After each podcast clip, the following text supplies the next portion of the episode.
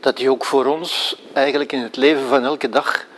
Uh, het is niet om op een kussentje te gaan zitten, maar om, om te leven. Echt, het is een levenskunst.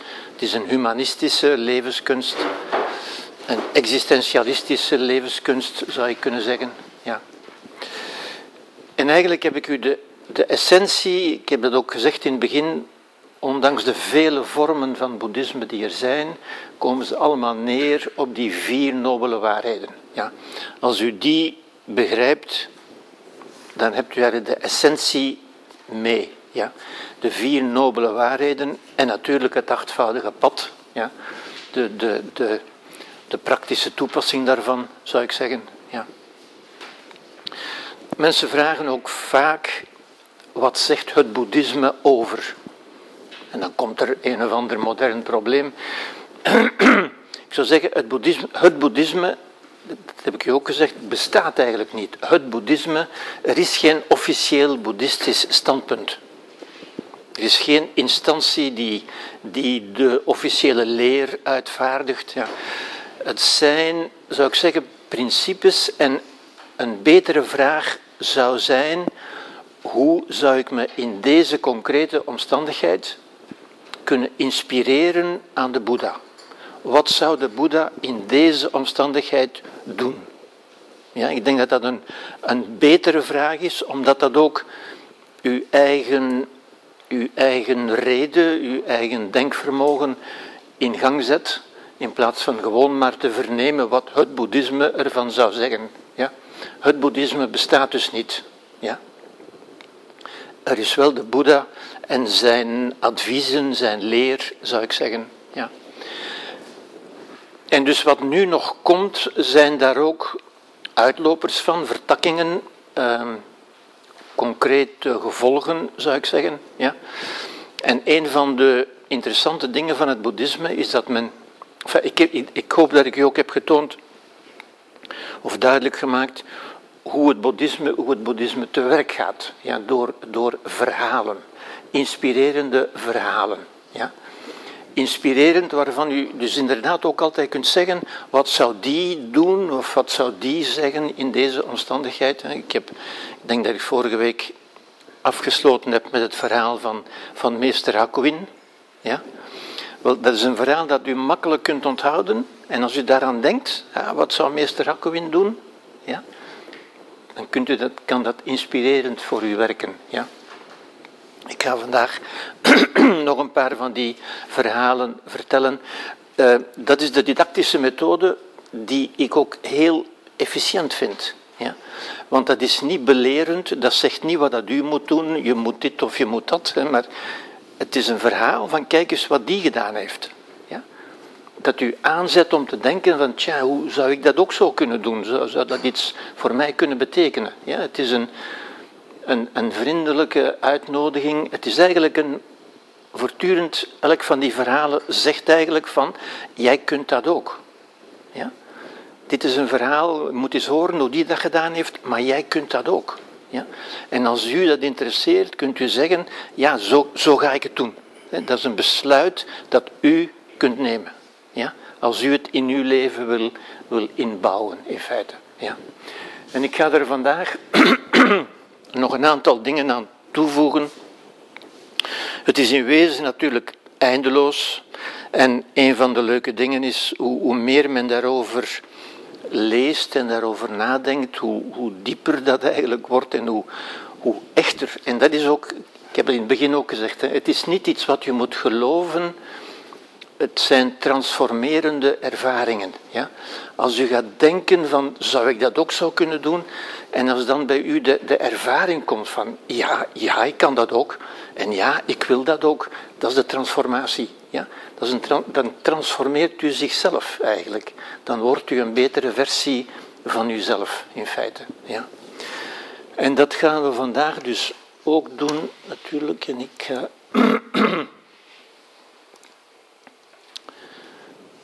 Voilà.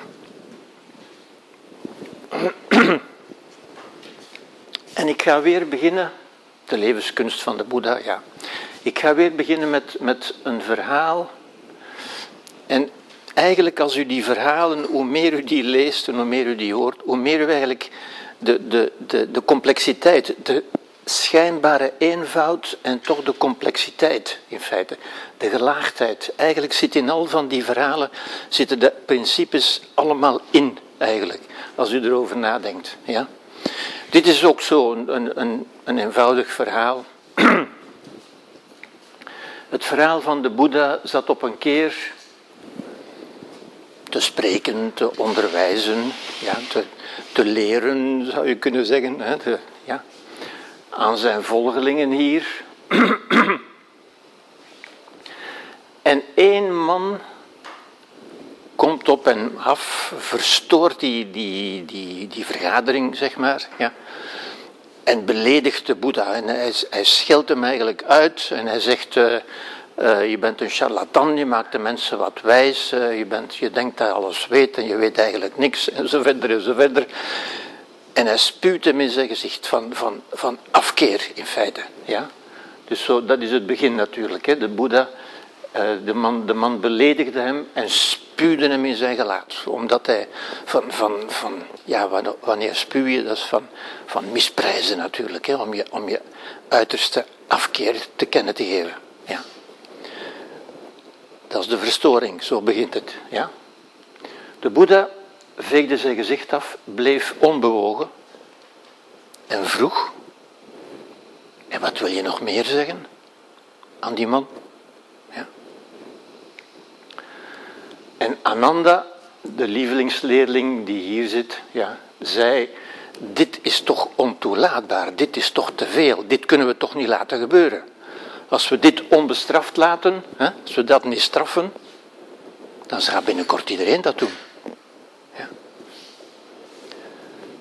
En de Boeddha zei tegen Ananda: Zwijg. Deze man heeft mij niet beledigd, maar jij beledigt mij tegen, tegen zijn leerling. Deze man kent mij niet, maar heeft waarschijnlijk iets over mij gehoord. Hij moet iets over mij gehoord hebben.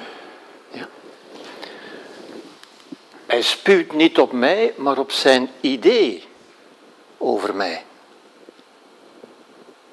Ja? Als je dieper nadenkt, heeft hij op zijn eigen geest gespuwd. Ik ben daar geen deel van. Hij heeft niet op mij gespuwd. Hij heeft op zijn idee. En zijn idee, dat is in zijn geest. Daar ben ik geen deel van.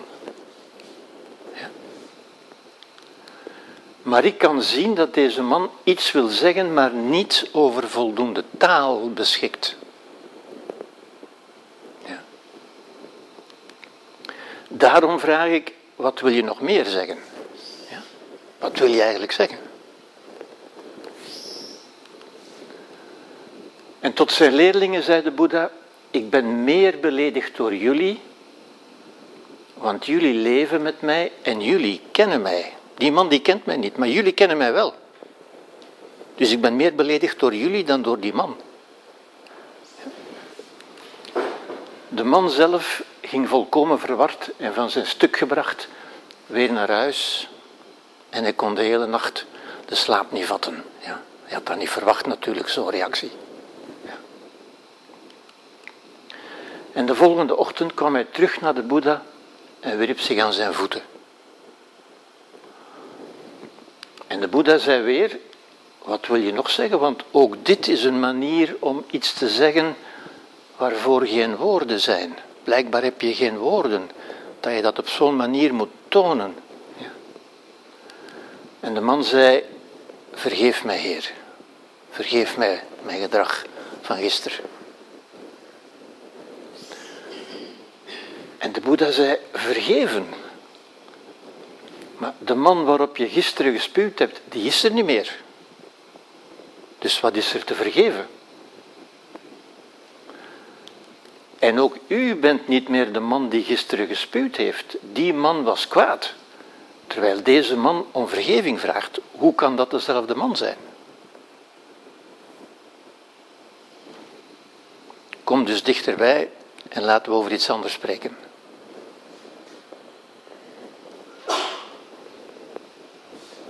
Ja? Dat is het verhaal.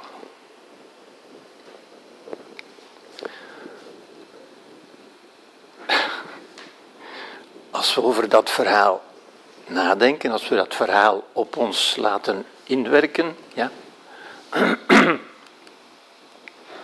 wat kunnen we dan zeggen? Wel, om te beginnen, de Boeddha zelf was in vrede. De man verstoorde die vrede en de Boeddha bleef in vrede. Ja? Met andere woorden, dat soort, zoals we ook bij meester Hakkowin gezien hebben, hè, dat soort onverstoorbaarheid. Ja? En wat is de les? Wat, wat zeggen de mensen dan vaak? Ja, maar dat is de Boeddha en ik ben geen Boeddha. Ja?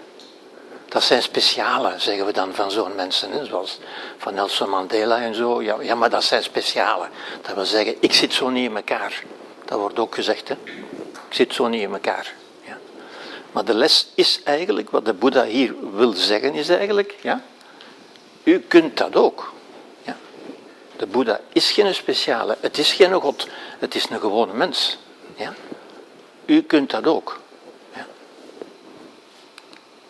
Dus wat illustreert de Boeddha hier in, in dat verhaal?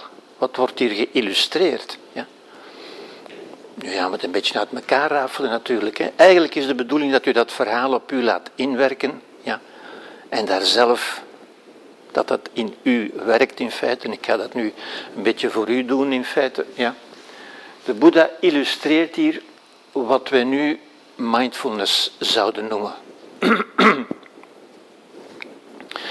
Dat wil zeggen, hij blijft met milde aandacht hier en nu.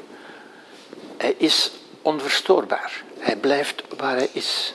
Ja? Hier en nu. Met zijn aandacht. Ja?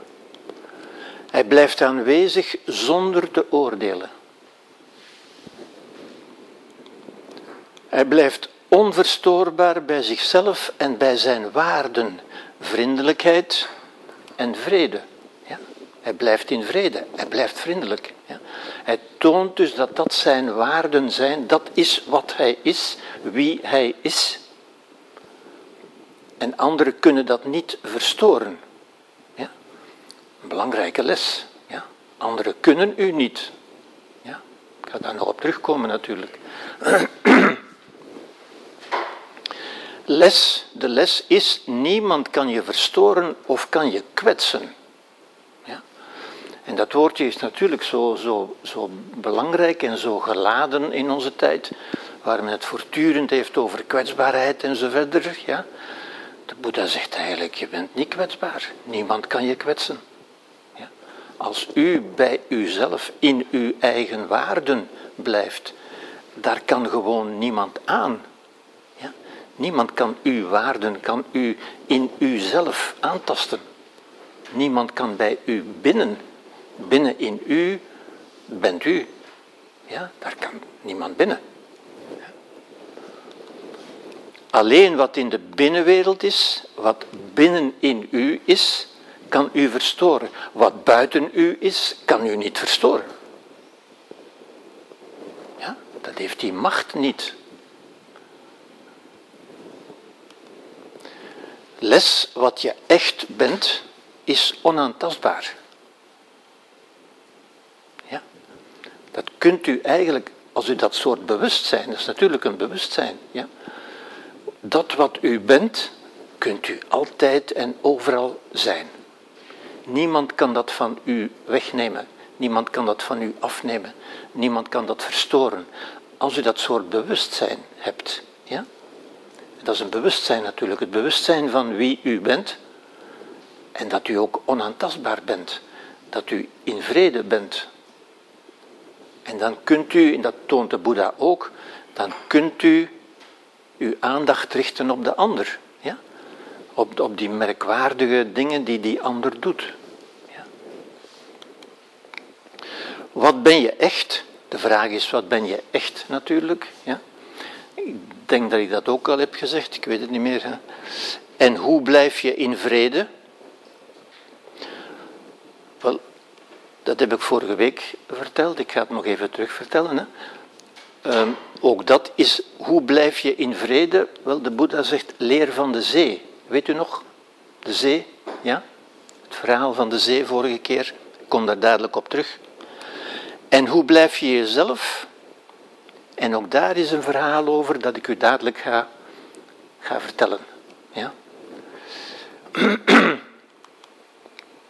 Het verhaal van de zee, dat kent u nog natuurlijk. Hè? Als u in een kop water uh, een handvol zout strooit, wordt dat water ondrinkbaar. Is dat aangetast, bij wijze van spreken. Ja? Maar als u dezelfde hoeveelheid zout in de zee strooit, dan verandert er eigenlijk niks. Ja? Dus, zegt de Boeddha, ja? Zorg dat u bent als de zee. Ja? En, en hier ziet u heel duidelijk hoe u zich kunt inspireren. Hè? Als u bij uzelf zegt, ja, ik ben als de zee, als u zich identificeert daarmee, ja, dan zegt u tegelijk, ze mogen in mij een handvol zout strooien, dat, dat tast mij niet aan. Niemand kan mij aantasten, wat men ook zegt, hoe men dat ook beledigingen kan noemen of wat dan ook. Dat kan niet aantasten wie u bent. Ja? Als u voor uzelf hebt vastgesteld wie u bent en als u daar een model voor hebt genomen waardoor u onaantastbaar wordt. Als u zegt, ik ben als de zee, ja, tegen mij mogen ze zeggen wat ze willen. Ja. Meer nog, mensen zijn niet alleen bang van wat hen gezegd kan worden, maar ze zijn ook vaak bang voor wat ze denken dat de anderen denken over hen. Ja? Hun reputatieschade en wat gaan ze wel denken van mij en zo verder. Ja? Ook daar zou u kunnen zeggen, ja? zoals ik dat ook voor mezelf ooit heb, ooit heb beslist, en, en zo gaat het in feite. Hè? U zou kunnen zeggen, al wat niet tegen mij gezegd wordt, dat gaat mij niet aan. Dat interesseert mij niet eens geef aan mensen dezelfde vrijheid om te denken die u voor uzelf hebt. U hebt voor uzelf, u mag toch denken wat u wil, wel andere mensen mogen ook denken wat ze willen. Ja? Als ze het mij niet komen zeggen, dan gaat het mij eigenlijk niet aan. Ja? Ik ben als de zee. En zelfs wat ze zeggen, ik kan daar aandacht aan besteden, zoals de Boeddha doet. Ja? Maar dat kan mij niet aantasten. Ziet u hoe, hoe, hoe dat inspirerend kan, kan werken? Ja, u, u kunt zeggen, voortaan ga ik zo. En dat beeld is, is heel belangrijk, want beelden spreken tot ons brein. Vooral tot ons oude brein, tot ons emotionele brein. Ja? Als u zich zegt, en dat, dat kan misschien, misschien klinkt dat een beetje gek voor u, en toch is dat, is dat bijzonder efficiënt. Als u zegt, ik ben als de zee, hoe bent u, hoe, kan dat? Uh, wetenschappelijk houdt er natuurlijk absoluut geen steek. Hoe kan dat nu? Heb je een psychose of zo? Heb je je pillen wel genomen? Als u zegt, ik ben als de zee, dat wil zeggen, ik kan alles ontvangen. Ja? Ik ben onaantastbaar. Ja? Een, een zeer sterk beeld, de, de symbolische waarde, niet de letterlijke waarde natuurlijk, maar de symbolische waarde. Ja? Begrijpt u? Zorg dus dat uw gemoed zo groot is als de zee. Er zijn nog een aantal verhalen zo die ik nu allemaal niet ga. Maar het komt er telkens op neer dat de Boeddha altijd benadrukt wie u bent. Hangt niet af van wat andere mensen doen of wat zij zeggen, of wat ze denken, of wat u denkt dat ze denken, want het is vaak dat laatste natuurlijk. Ja? Maar van wie u wil zijn. Ja? Wie wil u zijn? Ja? En dan komt in het volgende verhaaltje ook tot uiting. Ja? Zijn hier nog, nog vragen bij? Het volgende verhaaltje, wie bent u echt?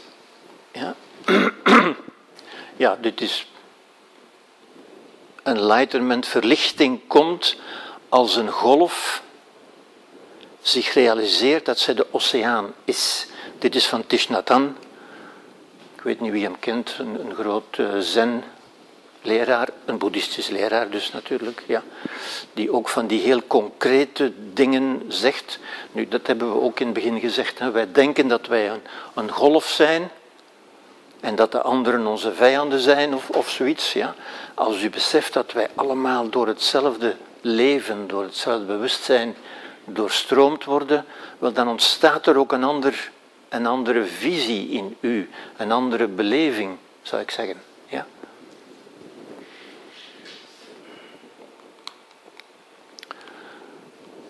Dit is een ander verhaaltje.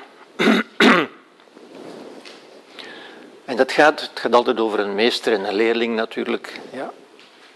Een meester zag een schorpioen die in het water aan het verdrinken was en hij probeerde die te redden uit het water. En toen hij dat deed, werd hij door de schorpioen gestoken. Het beest stak hem. Ja, pijnlijk. Door de pijn liet de meester het dier los, zodat het opnieuw in het water viel en opnieuw dreigde te verdrinken. En de meester probeerde hem opnieuw uit het water te redden en de schorpioen stak hem opnieuw. En er is weer een leerling bij natuurlijk die dat, die dat, die dat gadeslaat en die zegt, maar meester, waarom dringt u zo aan? Begrijpt u dan niet? Snapt u dan niet dat die schorpioen u zal steken telkens u probeert hem uit het water te halen? Houd daar toch mee op, want die zal u altijd opnieuw steken. En de meester antwoordde, de aard van de schorpioen is van te steken, maar dat zal geen invloed hebben op mijn natuur, die is van te helpen. De meester dacht even na en gebruikte een blad van een boom om de schorpioen uit het water te halen en zijn leven te redden. En tot zijn jonge leerling sprak hij Laat wie u bent niet afhangen van het feit dat iemand u pijn doet. Neem alleen de nodige voorzorgen. Ja. Als het leven u duizend redenen geeft om te huilen, toon dan dat u duizend redenen hebt om te glimlachen. Wie ben je echt? Wel, je bent echt wie je wil zijn. Ja? En dat is het, dat het creatieve aspect van het leven. Wie wil u zijn? Niet wie bent u, niet wat hebben ze van u gemaakt, want een kind heeft natuurlijk nooit keuze. Een kind wordt altijd geformateerd door volwassenen in zijn buurt. Ja?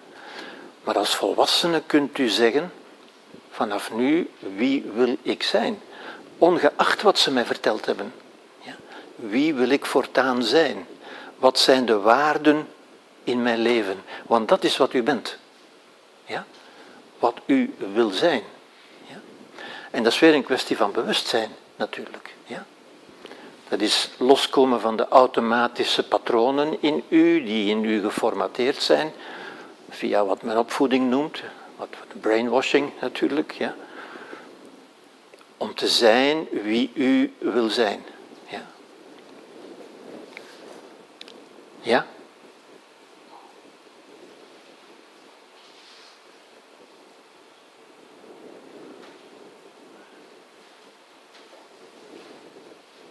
Ziet u?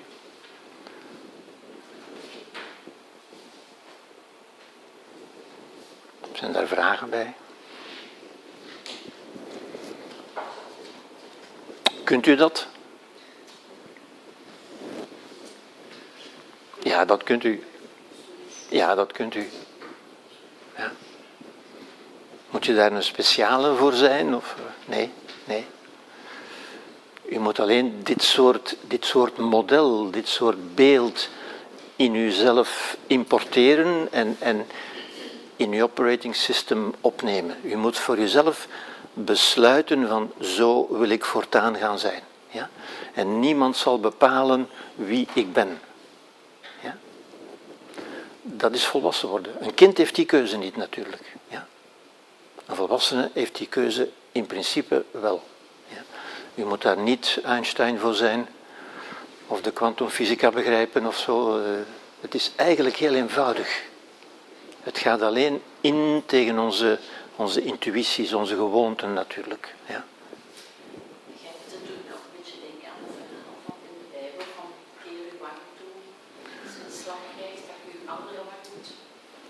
Ja, ja, ja. Is, ehm, ik, ik vind het niet helemaal dat. Er zit iets van dat in. Ik begrijp wat u bedoelt, maar het is niet helemaal dat. Natuurlijk, ik heb u ook in het begin gezegd, ehm, er zijn vele gelijkenissen tussen de Christus, de evangelische Christus in het evangelie, ja, niet de Club van Rome, ja, en de Boeddha. Ja. Je, zou, zou dit kunnen zien op, op een iets grotere schaal. Ja. Eigenlijk wat men zegt, het lijden van Christus, de kruisiging, zijn, zijn veroordelingen, zijn kruisiging en zo verder. Ja. Eigenlijk heeft Christus daar getoond, zoals Mandela het eigenlijk ook getoond heeft, van jullie kunnen mij toch niet raken. Ja? Je kunt mij veel aandoen, je kunt mij pijn doen en, en mij schoppen en mij kruisigen of in de gevangenis zetten, maar wie ik ben, daar kunt u niet bij. En dat is volgens mij de, de sterke les van Christus ook, die men te weinig benadrukt, vind ik. Ja? Ja? iets wat eigenlijk van achterna pas al, en eigenlijk dat lijden een beetje aan Christus dan, een beetje is gaan, ik wil niet zeggen verheerlijken, maar Verheerlijken, idolatreren, ja, ja, Ja. Ja. Ja. zeker, zeker, zeker. Maar dat is de Club van Rome. Hè? Ehm, het verheerlijken van het lijden, inderdaad. En dat is, dat is ook, je, je, je ziet of je zag bij ons in alle huizen die, die icoon, de Christus op zijn kruis, de lijdende Christus. Er wordt ook gezegd, het lijden zal u verlossen, zal u louteren. Is er hier nog één? Ah ja, kijk, daar hangt er nog één. Ja, ja, ja inderdaad. Ja, inderdaad. Hè, ja. Op veel van die, ja, ja, het lijden van Christus, het is er ook overal. Ja. En omdat hij zo geleden heeft, moeten wij ook, mogen wij ons toch niet te veel amuseren, moeten wij, moeten wij ook lijden. Want het lijden is louterend, zal u verlossen, dat is de boodschap. Ja? De Boeddha lacht daarmee. Lijden zal u helemaal niet verlossen. Ja? Het is de wijsheid die u zal verlossen, het inzicht, het bewustzijn. Ja? De, de, de supreme menselijke mogelijkheid zal u verlossen. Ja? Het is niet het lijden en niet het bidden en het hopen en het smeken. eh, nee, het is uzelf, het, uw inzicht zal u verlossen. Ja?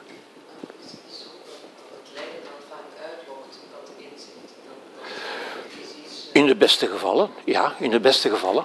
Ja. Maar zeker niet altijd. Zeker niet altijd. Nee, nee. Ja, Misschien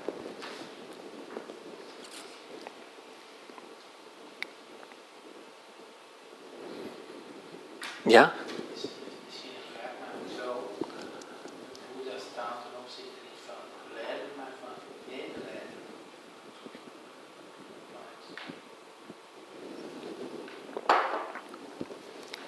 medelijden.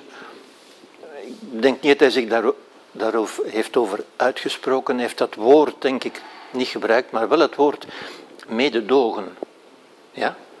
Dat wil zeggen aandacht hebben voor het lijden van de ander.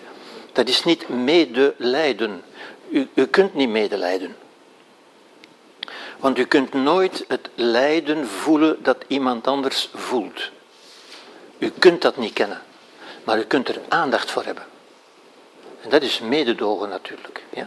Mededogen is, is iets redelijk, dat is niet emotioneel meegesleept worden. Als iemand aan het huilen is en u gaat meehuilen, da- daar heeft niemand iets aan. Ja? Het is de redelijkheid die iets kan betekenen, natuurlijk. Ja? De aandacht. Wat de Boeddha ook toont in dat verhaaltje natuurlijk. Daar, kom daar dadelijk op terug trouwens. Oké. Wat illustreert de Boeddha nog in, in, in dat ene eenvoudige verhaaltje eigenlijk? Ja? Wel, mededogen, ja, we zijn er al. Mededogen, soms ook compassie genoemd. Ik, ik vind de term mededogen eigenlijk beter. Ja. Mededogen is een houding van welwillendheid. Dat is geen emotie. Dat is niet emotioneel meegenomen worden. Dat is de makkelijke empathie. Empathie is een makkelijke emotie. Ja? Waarvoor je mensen op straat ziet als, als Diana sterft of als er iets anders gebeurt. Ja? Dat is de gemakkelijke, het gemakkelijke meegaan eigenlijk. Ja? Mededogen is iets anders. Ja? Mededogen is een redelijke. Het is wat, wat uh, empathie is ook heel beperkt en is ook heel snel over, zoals alle emoties. Ja?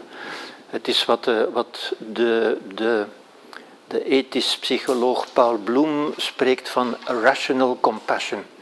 Redelijke, redelijk mededogen. Redelijk mededogen als gevolg van het redelijk, de aandacht, het redelijk indenken, niet het invoelen, want dat kunt u niet. U kunt alleen uw eigen emoties voelen. U kunt nooit de emoties van anderen voelen. Ja. U kunt het erg vinden, maar dan bent u met uw eigen emoties bezig. En dat is niet verboden, hè? dat is niet verboden, dat is niet, dat is niet verkeerd. Alleen is dat geen mededogen. Mededogen is een vorm van liefde, dat wil zeggen een vorm van aandacht voor de ander. Dat is niet zwelgen in je eigen emoties. Ja.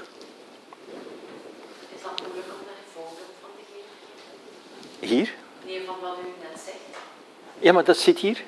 Dat is hier natuurlijk. Hè? Ja? De Boeddha toont het, een houding van welwillendheid naar die andere mens toe. Ja? Hij is daar niet verliefd op, hij heeft daar geen emoties voor, maar hij, heeft daar mededogen voor. We zeggen aandacht, en dat is een vorm van liefde, van redelijkheid dus. Ja? De ander is geen slecht mens, het is geen monster, zoals we dat vaak horen. Een monster dat 30 jaar in de, in de cel moet en zo verder, eh, passend gestraft en zo verder. Nee, nee, bij de Boeddha niks daarvan. Ja? Dat is een uitgangspunt, geen vaststelling. Ja? De Boeddha heeft niet, niet onderzocht of alle mensen wel van goede wil zijn. Maar hij neemt dat als uitgangspunt. Vergelijkbaar met wat Socrates ooit zei. En die andere grote wijze natuurlijk. Hè. Socrates zei, niemand staat ochtends op met het idee, vandaag ga ik nu eens het kwade doen. Ieder denkt in zijn visie dat hij het goede doet. Ja? En het verschil zit hem in de visies, niet in de kwade of goede wil. Iedereen is van goede wil. Maar het is in de visie, in hoe je de wereld ziet, hoe je het goede in de wereld ziet. Ja? Mensen van IS, van IS zien het goede doen als bijvoorbeeld het doden van ongelovigen. Dat is niet omdat die krankzinnig zijn of omdat dat slechte mensen zijn, maar die zien dat als het goede. Net zoals, ik heb dat ook al gezegd denk ik, net zoals onze kruisvaarders in de 13e eeuw dat in Jeruzalem gingen doen. Ja? Wat ze ginder nog altijd niet vergeten zijn, overigens. Dat speelt nog altijd mee in de, in de Arabische cultuur. En als zij ons kruisvaarders noemen, dan verwijst dat rechtstreeks naar dat natuurlijk. Ja? Alleen komen ze nu met Amerikaanse vliegtuigen en met bommen gooien, maar ze noemen ons kruisvaarders. Dat is terecht. Ja? Wij gaan bommen gooien daar. Is dat dan het goede? Wel, wij denken dat we daar goede redenen voor hebben. In onze visie hebben we daar goede redenen voor. Ja. Mededogen is eigenlijk zien als uitgangspunt, niet als bewezen feit. Dat is geen wetenschap, dat is een uitgangspunt. Ervan uitgaan dat alle mensen goede bedoelingen hebben. Ja? Zoals u ervan uitgaat als een kind naar u toe komt en die geeft u een schop en die doet flink pijn, gaat u dat kind dan een schop teruggeven? Nee, wat gaat u dan doen? En waarom gaat u dat doen? U geeft dat kind geen schop terug, omdat u begrijpt dat dat kind hoe, hoe zeggen we dat? Dat kind weet niet beter. Dat kind weet niet beter. Voor dat kind. Dat kind is op dat ogenblik bezig met te proberen zijn slecht gevoel, zijn onwelzijn te exterioriseren. En daardoor schopt hij tegen de meubelen en tegen de mensen. Het, het kwaad zijn. Ja. Ik moet zeggen, het, het helpt mij heel vaak, het heeft me ook al vaak geholpen, van vele mensen te zien als kwaaie kinderen. Vele volwassenen gedragen zich als kwaaie kinderen. Als gefrustreerde kinderen die hun bonbon niet gekregen hebben. En die kwaad zijn. Ja? En, als u, en ziet u, dat is weer een beeld, hè? maar als u dat zo ziet, dan hebt u mededogen. Hè? Zegt, ja, die, die weet niet beter. Zoals de Boeddha eigenlijk ook. Hè? Ja? Die weet niet beter. Ja? Dat is mededogen. Dat is mededogen niet emotioneel, maar redelijk, omdat u een redelijk mens bent. Als uitgangspunt, niet als vaststelling. Ja? Hij is een mens zoals ik. En ik, ik denk dat dat, dat dat de basis is, echt de solide basis voor, voor mededogen. Ja? En dat is wat mensen vaak impliciet, zou ik zeggen, ter discussie stellen. Nee, nee, dat is geen mens zoals ik. Want ik ben van goede wil en die is niet van goede wil. Dus dat is geen mens zoals ik. Dat is een monster. Hoe vaak horen we dat woord niet? Ja? Nee, het is een mens zoals ik. Als uitgangspunt. Is, is dat bewezen? Nee, dat is niet bewezen. Dat is geen wetenschappelijke stelling. Maar dat is een moreel uitgangspunt. Ja? En als u dat neemt, dan denk ik dat u uzelf een plezier doet en vele anderen ook. Want u, u, u maakt het uzelf veel gemakkelijker en vele anderen natuurlijk ook. Ja? U wordt een minder boos mens. U wordt een minder boos kind. U wordt een meer volwassen mens. Ja.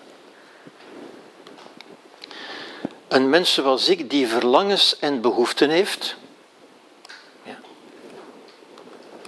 die niet gestraft moet worden, maar die probeert iets te zeggen. En dat toont de Boeddha juist. Hè. Hij zegt tegen die man, hij zegt niet eh, zorg dat hij gestraft wordt of dat hij therapie krijgt of dat ik therapie krijg.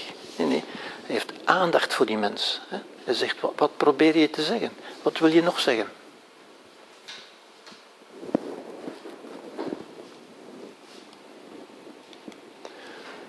En die niet over een adequate taal beschikt, zoals een kind. Kind kan zijn frustratie niet anders uitdrukken dan met, dan met gewelddadig gedrag. Vele mensen ook, vele volwassenen ook. De Boeddha illustreert nog vergeving. Ja? Vergeving. Die, die, die, die fantastische zin op het einde. Hè? Wat, wat is er te vergeven? Wat zou er te vergeven zijn? Mensen zeggen vaak, ja, maar ik kan dat niet vergeven. Ik kan dat nog altijd niet vergeven. Ja? Ook dat kunt u blijven zeggen. U, u kunt dat blijven zeggen en dan creëert u bij uzelf die realiteit. U houdt dat dus in stand. Lijden dus. Ja? U kunt dat natuurlijk wel. Mensen zeggen van veel dingen dat ze dat niet kunnen. Ze kunnen dat natuurlijk wel. Maar ze hebben niet geleerd, of ze hebben geen motivering, of ze hebben geen reden om dat te doen. Ze vinden dat dat niet hoort of niet past of zoiets. Ja? Wat zegt de Boeddha? Voor wie begrijpt dat de ander geen slecht mens is, valt er niets te vergeven.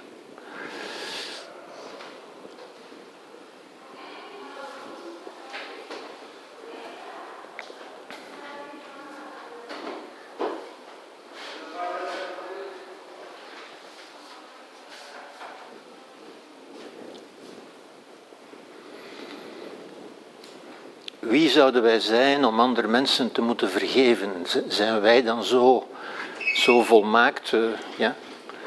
dat, is, dat, is, ook wat Christus zegt natuurlijk. Hè? Wie zonder zonden is, werpen de eerste steen. Dat is een beetje dat natuurlijk. Hè? Ja. Wij zijn toch allemaal? Er is toch niemand zo perfect? En zelfs als u zo perfect zou zijn, waar zou, ik vind vergeven is zo'n woord voor dat bij de, bij de goden past. Ja? Toch niet bij een mens uiteindelijk. Ja?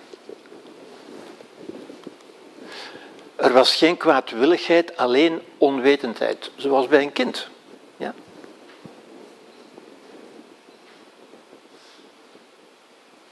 Dat kind weet niet beter.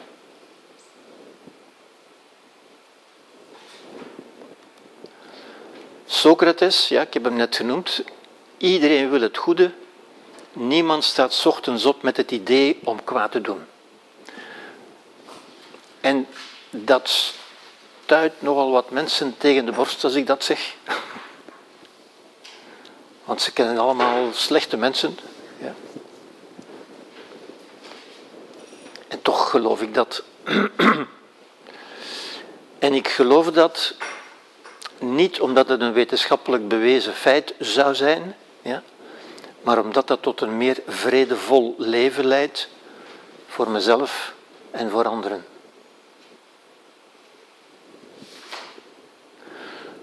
Ik geloof het ook. Ja, ik geloof het, maar ik kan dat niet bewijzen. Ja.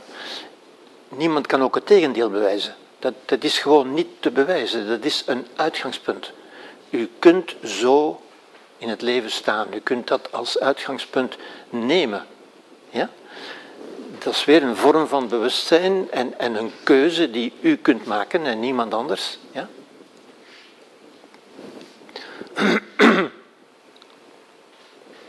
Maar dat is ook wat Christus zei natuurlijk. Hè. Vergeef het hen, want ze weten niet wat ze doen. Onwetendheid. Zoals we een kind spontaan vergeven, ja, omdat we zeggen, ja, het weet nog niet beter. Het moet nog leren. Ja. De Boeddha illustreert nog, zit eigenlijk allemaal in dat verhaal. Geweldloze communicatie de taal en de praktijk van de vrede, mindfulness en mededogen in de communicatie. Ja. De Boeddha trekt zich niet terug in gekwetst zijn of beledigd zijn. Dat zou zo makkelijk zijn en zo begrijpelijk. Ja.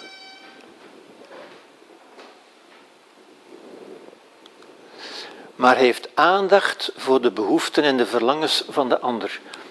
En dat, dat is mededogen. Ja.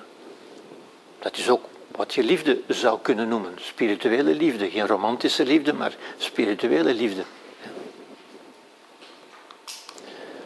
Die de ander alleen maar onhandig uitdrukt. Hij heeft daar aandacht voor. Wat, wat wil je nog zeggen? Ja? Die aandacht. Wij zijn onmiddellijk, vele mensen, eh, intuïtief, zijn we, trekken we ons onmiddellijk terug op onszelf, gekwetst. Ja? Hij zeurt niet over een gebrek aan respect. Hij zoekt niet te straffen of genoegdoening te krijgen, zoals we dat bij ons horen. Ja? Op de processen wordt altijd gezegd, eh, is, is hij wel genoeg gestraft? Kunt u er wel mee leven?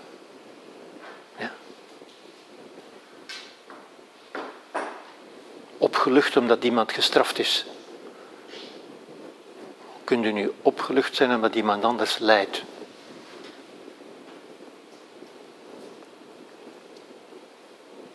En wij vinden dat zo normaal, hè?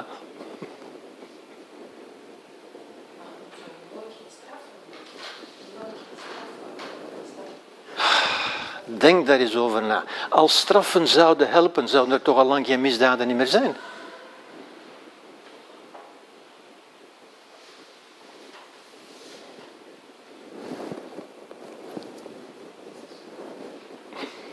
Denk, denk eens na.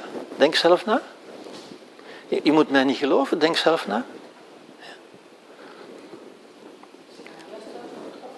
Als, als, nu, als nu een ezel u een stamp geeft, dan gaat hij ook een stamp teruggeven.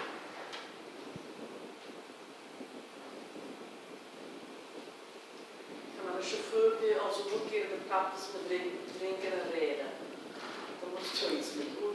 Ja. Tegen zijn eigen beschermen. Of, ja. Juist, beschermen, dat wel, maar niet straffen. Als je het allemaal blijft doen. Denk aan die meester met zijn schorpioenen.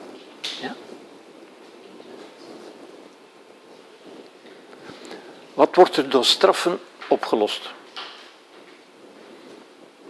Mensen komen, komen gewelddadiger uit de gevangenis dan ze erin gegaan zijn. Natuurlijk, ja, dat is toch duidelijk. Dan gaat het erover om bijvoorbeeld te kijken waarom blijft hij dat doen? Hoe kunnen we hem daarin helpen? Maar dat is wat de Boeddha zegt. Hè? Wat wil je eigenlijk zeggen? Wat heb je eigenlijk nodig? Waarom doe je dat eigenlijk? Ja? De Boeddha spreekt die man aan in zijn volwassenheid. En, en ook dat is zo mooi. Dat is, en dat is ook geweldloze communicatie. Hè? Hij spreekt die aan als een mens met verlangens en behoeften. Zoals ik. Ik heb ook verlangens en behoeften. Niet als een stout kind.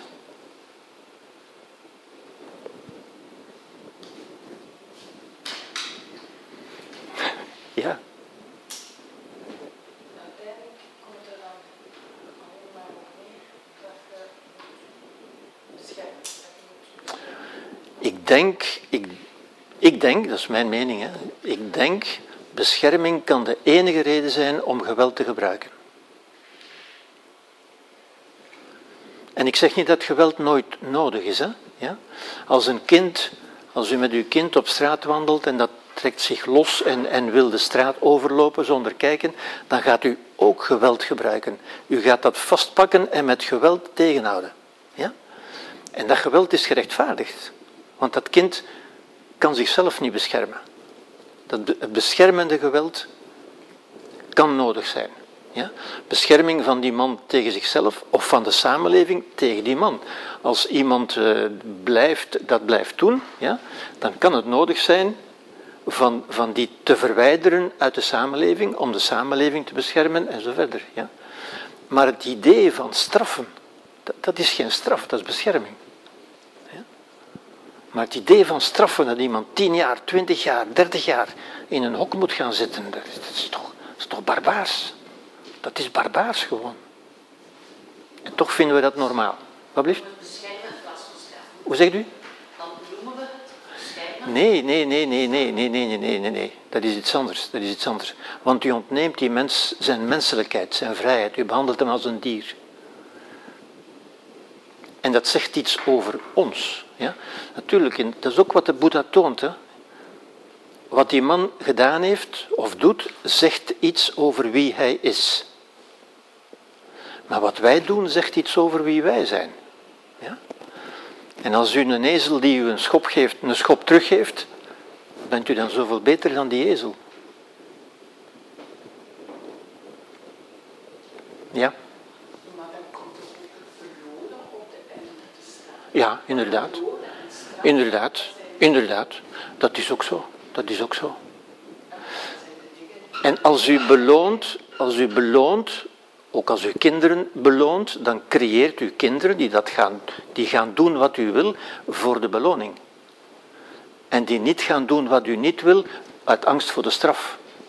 Maar zijn dat, zijn dat ik zou zeggen, ethisch hoogstaande redenen? Is dat wat u wil?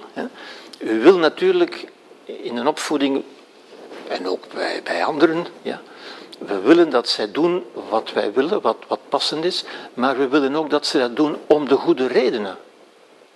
U wil, er toch, u wilt toch van uw kinderen ethisch denkende mensen maken, die dingen doen om de goede reden, niet uit angst voor straf of omdat ze hopen op een beloning.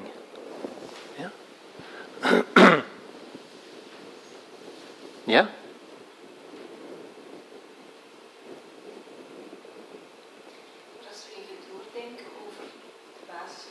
alle lijden komt uit onwetendheid. Alle lijden komt uit onwetendheid. Als je daar verder voortduurt, wat dan wel, dan zien we mensen die, of wij zelf, doen soms dingen uit onwetendheid, die Mhm. echt wel dwaas waren. Mhm. Dus door die mensen dan toch wel een vorm van bescherming, begeleiding te geven, want ze kunnen wel heel veel oordeel aan. Zeker, zeker, zeker. Zeker met die machinale dingen, met wapens en zo, dat is waar. Onwetendheid. Mhm. Je kunt die niet uithalen, maar je kan hem toch wel in omstandigheden brengen waarin ze misschien eens kunnen nadenken over De, de Boeddha zegt, die hebben juist aandacht nodig. Ja? Die hebben geen straf nodig, die hebben aandacht nodig. Begeleiding, zoals we dat dan noemen. Ja. Dat was waarschijnlijk wel een meer tijdrovende Ja, bezigheid ja, dan ja, absoluut, absoluut, absoluut, absoluut. Tijdrovend en, en geldrovend. We geven liever geld aan vakanties en aan sportstadia dan aan, dan aan mensen die moeite hebben om te leven. Die het moeilijk hebben om te leven. Hè. Ja. De zorg, zoals men zegt. Ja.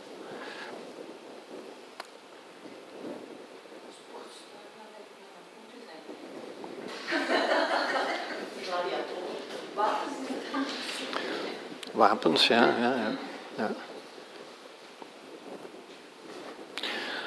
Oké.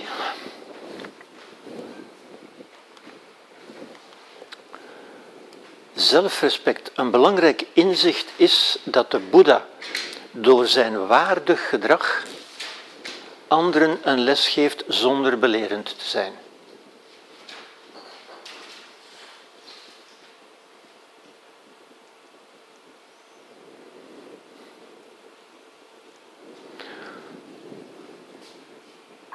En uiteindelijk leidt die hele strafcultuur, en- we, mogen dat echt zo noemen, hè, want mensen zijn geobsedeerd door, door het straffen. Als, als wij zo te werk gaan, en, en dat doen wij, dan tonen we eigenlijk, dan tonen we eigenlijk aan anderen, waaronder kinderen, dat straffen een goede manier is om te verkrijgen wat je wil. Met andere woorden, dat is een geweldcultuur. Die we daarmee in stand houden. Dat is ook, dat is ook een archaïsch concept natuurlijk, eh, het, straffen. Ja? Dat zou in onze moderne wereld eigenlijk geen plaats meer moeten hebben.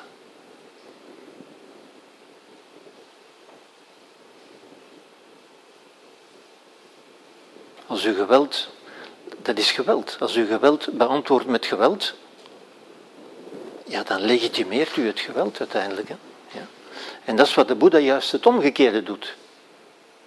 En door zijn gedrag, dat is natuurlijk een verhaaltje, dat is geen garantie, ik weet dat ook natuurlijk. Maar door u zo te gedragen, ja, hebt u kans, wie, ehm, hoe men zichzelf behandelt, is voor anderen een model van hoe men benaderd en behandeld wil worden. Als u toont dat u kwaad wordt, dan geeft u meteen de les, kwaad worden is oké. Dat is een manier om te krijgen wat je wil. Wat vele volwassenen ook doen. Ja? Dus dat zijn de lessen die wij impliciet meegeven. Hè? Kwaad worden, dat is normaal en dat is oké. Ja?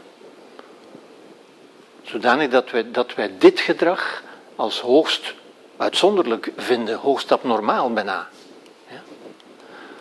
Respect kan niet geëist worden, het moet verdiend worden. En een moderne versie daarvan vindt u hier. Kent u die dame?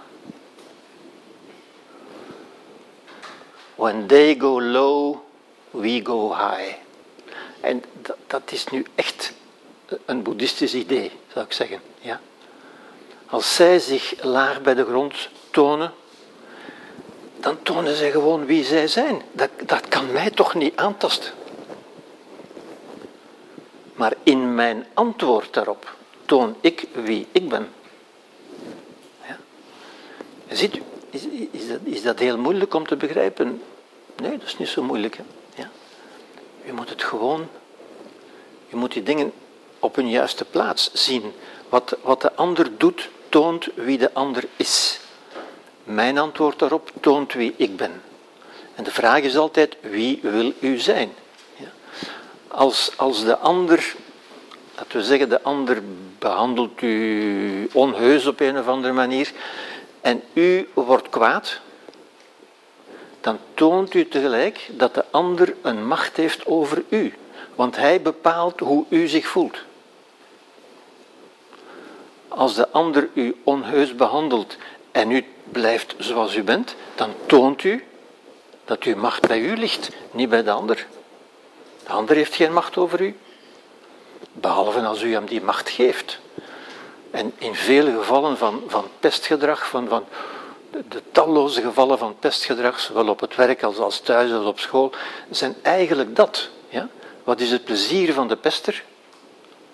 Van te zien dat hij een macht heeft over de ander. Als u bang wordt, of als u kwaad wordt, of als u gaat huilen, of wat dan ook, toont u dat de ander een macht heeft over u. En dat is de, game, daar gaat het over. Dat is het plezier juist. Wat is het plezier? De macht. Ja? Als u toont, doe maar, probeer maar, en u toont dat u onverstoorbaar bent, dan heeft de ander geen enkel plezier en zal hij dat spel ook staken. Ja? Maar als we gaan klagen bij advocaten en bij directies en bij de Raad van State en zo verder, geweld met geweld. Ja.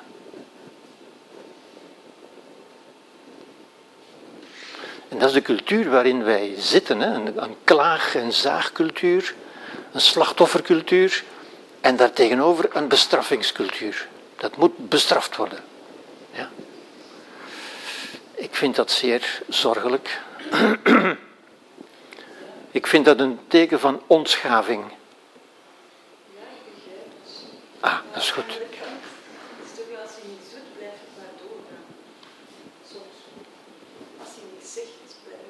Ja, maar niemand zegt dat je niks moet zeggen. De Boeddha, de Boeddha heeft ook een antwoord gegeven, hè? niet gereageerd. Hè? Als u reageert, dan wordt u bepaald door de, door de actie. Dan wordt uw reactie bepaald door de actie. Maar de Boeddha toont wat, wat Victor Frankl ook zegt. Hè? Dus het leven stelt u een vraag, de ander daagt u uit.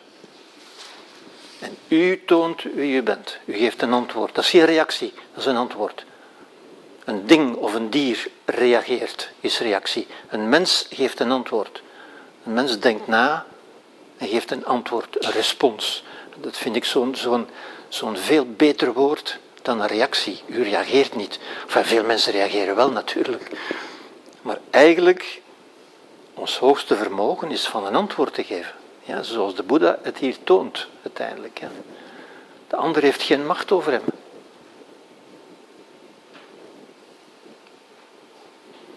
En het kan, maar het is geen garantie natuurlijk. Hè. Het kan dat de ander daardoor tot, tot bezinning of tot inkeer komt, dat is niet gegarandeerd. Ja.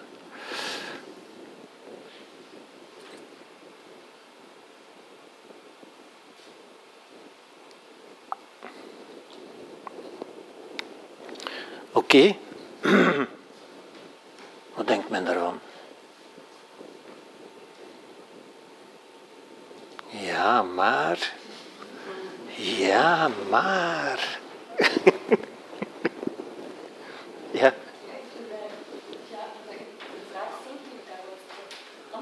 Ja. Ja. Ik probeer daar bewust mee bezig te zijn, maar ik vind het toch altijd moeilijk, maar Ja. dat word ik niet nou, ondanks dat ik ook een cursus gevolgd heb aan buitenlandse communicatie, om dat in de communicatie zo Ja.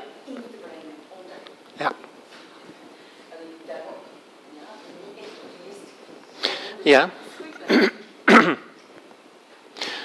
Ik, ik dat. Dat gaat in tegen onze, onze kinderlijke reacties van onmiddellijk een schop terug te geven. Ja, dat is waar, dat is waar.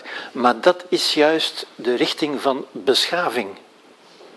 Terwijl we nu vaak in de richting van ontschaving gaan. Dat wil zeggen, meer emotie, meer brutaliteit, van je moet altijd kunnen doen wat je voelt en, zo verder. Dat, dat, dat is ontschaving. Ja? Beschaving is juist redelijkheid. Redelijkheid gebruiken. Ja.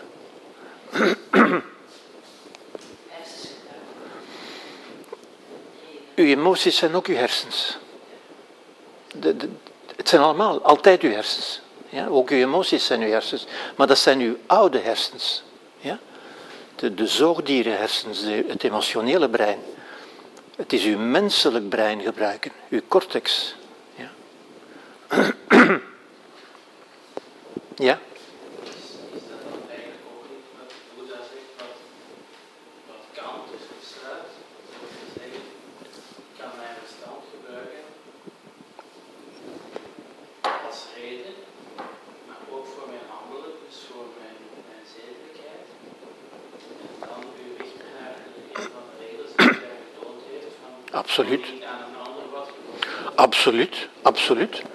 Absoluut. Dat is, ook, dat is inderdaad ook een, een, een regel van redelijkheid, zou ik zeggen.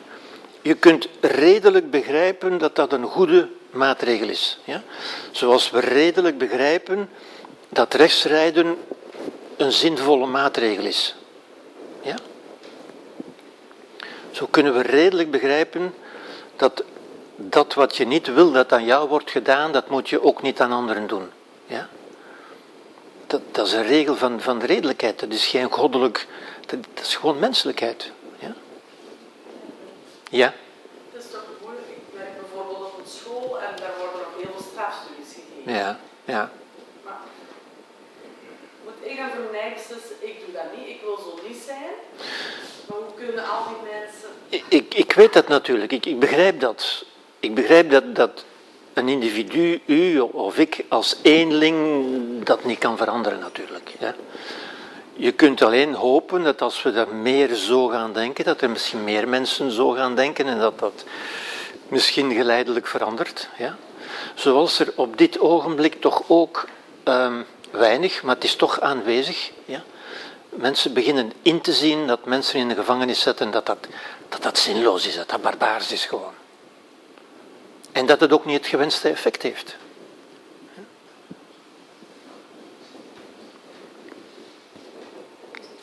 meer mensen onder druk staan om allerlei andere redenen, hoe moeilijker het is om op die manier te reageren. Ik begrijp niet goed. Meer mensen onder druk staan, werk of onder andere omstandigheden, uit, hoe moeilijker het is om op die manier te reageren. Ja, dat is waar. Dat is waar. Dat is waar.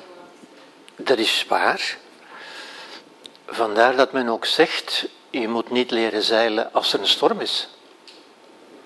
Je moet, je moet vooraf leren zeilen, voor de storm. Ik ben bezig. Ja, maar dat is een excuus, hè? dat wordt ons niet aangeleerd. Dat is, dat is waar, hè? ik weet dat, hè? maar dat is een excuus. U kunt voor uzelf besluiten, voortaan ga ik, ja. Dat is een ex- Je kunt ook al besluiten dat voor jezelf. Ja, Ik merk dat aan mezelf, hoe meer dat je onder druk komt te staan in andere omstandigheden. is waar. Waar, waar. Als u moe bent of onder druk staat, vallen wij makkelijker terug op primitieve reflexen. Dat is gewoon zo. Ja. Dat is zo. Heel veel druk en heel veel Ja, dat is waar. dat is waar. Ja. Dat is waar. Dat waar. Met even op inhaakt, inderdaad. Het is niet alleen de druk, het is eigenlijk de, dan zeg de, de, de reflex bij u om niet onmiddellijk te reageren. Ja. Want dan heb je het risico dat dat gebeurt op basis van directe emoties. Ja. Met alle gevolgen van die. Maar dat u weten, u zegt van als het mogelijk is, stel dat even uitdenkt bij de Mhm. spreek dan Ja. met die mensen stoppen. Ja. Absoluut. Ja. Dat is waar. Het is waar wat u zegt hoor. Maar wat gaan we dan doen? hè? Gaan we dat als excuus blijven gebruiken en zeggen. eh, nee? Ja. Ademen. Hoe zegt u? Ademen. Ademen. Ja. Ja, Op moeilijke momenten. ja. Dat is waar. Dat helpt u om er door te komen, maar dat is op zich nog geen nieuwe houding. Ja? Dat, dat maakt het makkelijker om door moeilijke momenten door te komen. Dat is, dat is een hulpmiddel natuurlijk. Ja. Maar ik denk, eh, het enige wat ons echt helpt is bewustzijn natuurlijk. Hè. Nadenken over wie u wil zijn. Over hoe u uw leven wil, welke de waarden zijn die u in uw leven wil bevorderen, naar buiten brengen, die u wil tonen. Hoe u wil zijn.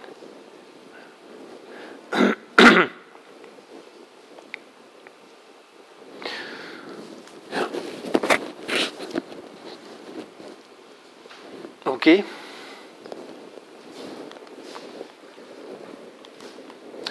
De Boeddha illustreert nog inzicht in de cognitieve aard van emoties. En dat vind ik ook zo belangrijk natuurlijk. Hè? Ja?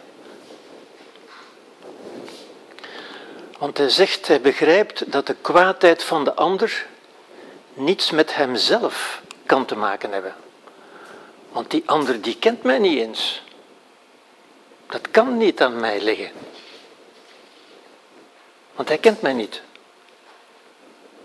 Dat kan alleen maar liggen aan iets wat hij denkt over mij. Wat hij gehoord heeft over mij. Iets wat hij gelooft over mij. Ja? Waarmee hij onrechtstreeks eigenlijk zegt, zijn emotie komt uit zijn gedachten, uit zijn denken.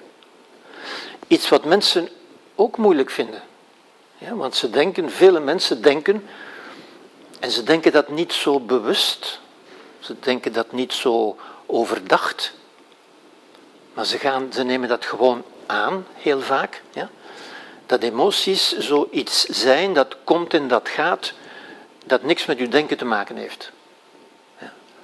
Nu, daarin was de Boeddha dus ook zijn tijd vooruit natuurlijk. We weten nu dat dat niet zo is. Het zou ons te ver voeren om daar nu op in te gaan.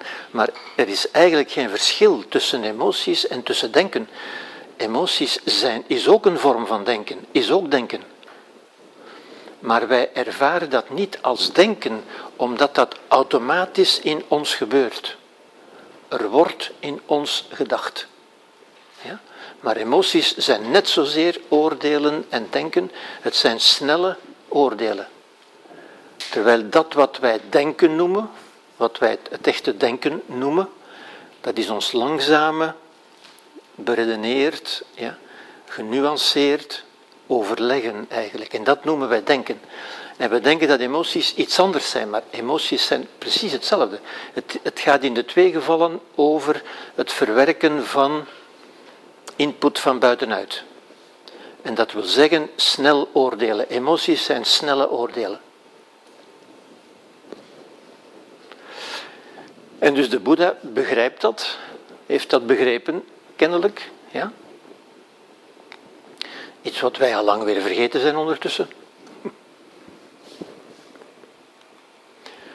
Maar met iets wat de ander over hem gehoord moet hebben. Iets wat hij denkt. Met andere woorden, zijn emotie komt uit zijn denken. En dat kan ook niet anders. Niks anders kan ons een emotie geven. Niets of niemand kan ons een emotie geven. Ja? En dat inzicht, dat, dat begrijpen, dat echt doorhebben,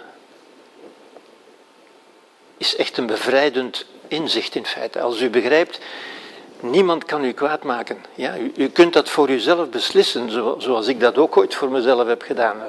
Ik geef niemand nog de macht om mij kwaad te maken. Ja? Maar als u begrijpt dat, dat niemand die macht ook werkelijk heeft, dat het gewoon de realiteit is. Niemand kan u kwaad maken. U kunt u kwaad maken over wat u denkt of, of vindt of wat dan ook. Maar niemand kan u kwaad maken. Ja? En ook dat is iets wat, wat, wat maar een, een reële levenshouding wordt als u daar genoeg over nadenkt en als u zegt, ja, het, het is gewoon zo. Dat is niet iets wat ik mij moet voorhouden, waar ik moet aan denken. Nee, het is gewoon zo. Ja? Het is niet alleen zo, het is echt zo.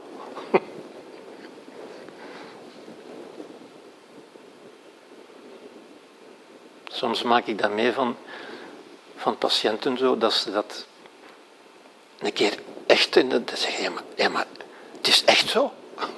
Ik zeg, ja, het is echt zo. En dat is gewoon de realiteit. Dat is niet iets wat u moet geloven. Dat is geen geloofspunt dat de Boeddha u voorhoudt.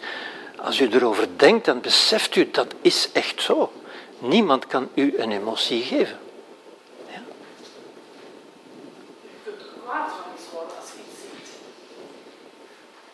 Als? je iets gebeuren wanneer opeens kunnen we er kwaad van worden. U kunt u kwaad maken.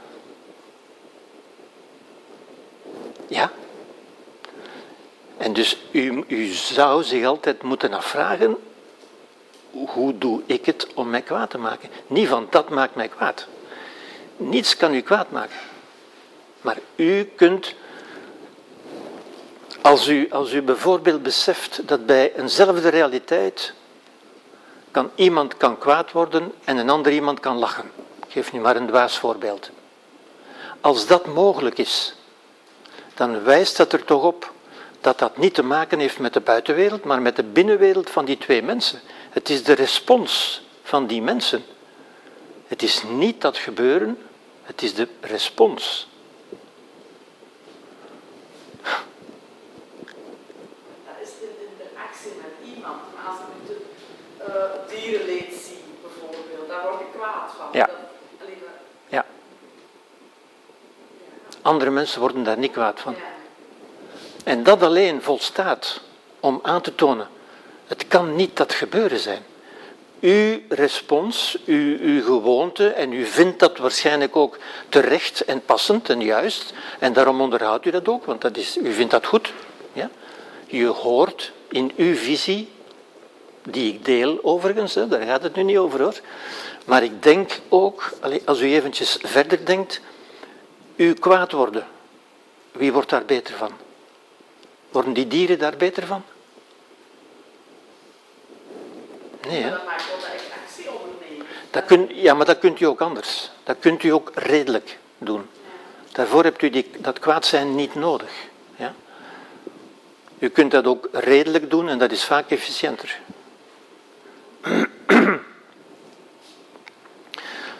Maar het is als u over zo'n dingen gaat nadenken voor uzelf, hè, dat u ziet, maar dat, dat kan niet.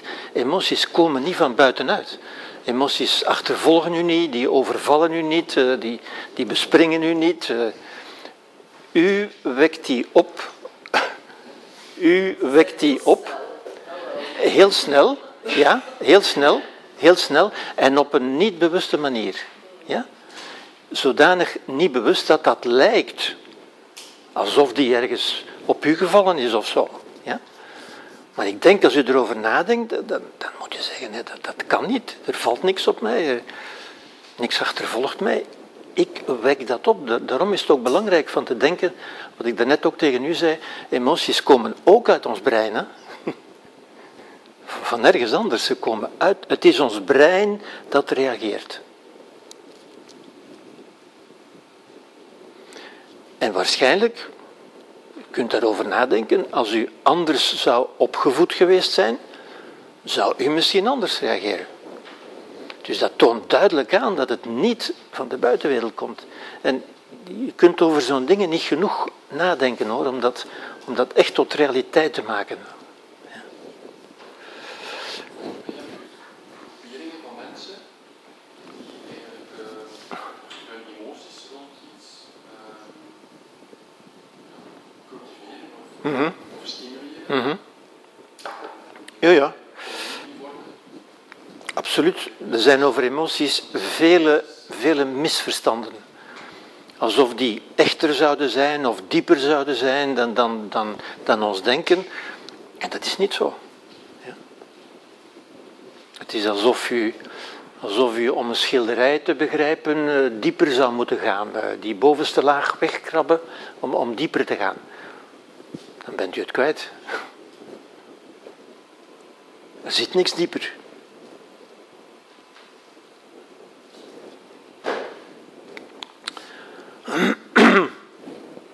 De ander spuwt op zijn idee over mij. Ja? Zo- Zo'n zo'n belangrijk inzicht in feite. Hij spuwt eigenlijk niet op mij, hij spuwt op zijn idee over mij. Alleen een idee in ons, dat in ons is, kan ons een emotie geven. Ja? Emoties zijn snelle oordelen. Wat niet in ons is, kan ons niet doen lijden. Ja? Bijvoorbeeld, als, als ik nu uw voorbeeld neem, stel dat er achter u een dierenmishandeling plaatsvindt en u hebt het niet gezien, dan doet hij niets aan u. Hè? Het is pas als u ze ziet, en als u het ziet, wil dat zeggen dat ze in uw bewustzijn aanwezig komt. En dan gaat u reageren. Dat toont duidelijk aan, alleen als u het weet, als het in uw bewustzijn is. Ja? Er zijn elke dag kinderen die sterven van honger. doet ons niet veel. Maar een eigen kind, hola. Dat is ook iemand die uh, daar iets wil voor doen. Voor Mhm. En ook zelfs een vereniging. Ja, wel, dat is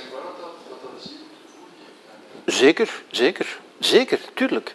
Dat geeft een echt geluksgevoel, want het echte geluk voor een volwassene is van het goede te doen. Te beseffen dat je het goede gedaan hebt. Ja? En het goede doen voor je eigen kinderen is gemakkelijk uiteindelijk. Dat, dat, dat wil iedereen, dat wil elk dier. Ja? Maar het goede doen voor, voor op afstand, voor mensen die u niet kent, dat vergt al meer redelijkheid. Dat is rational compassion. Empathie is gemakkelijk. Ja? Empathie met dingen die u ziet, met dieren die u ziet, dat is uiteindelijk gemakkelijk. Ja? Dat, is, dat is niet verkeerd, hè? Dat is, dat is, maar het is gemakkelijk. Maar dat vormt een basis, dat is een basisgevoel. Maar dan moet u redelijkerwijze zeggen, ja maar er zijn zoveel dieren en die lijden ook. En er zijn zoveel kinderen en die lijden ook. En die sterven ook onterecht. En als dat u aanzet tot iets doen, ja, dan is het een morele daad.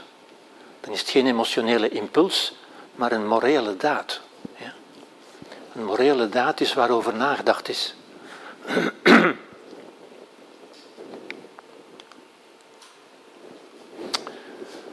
Lijden is altijd een cognitieve dissonantie.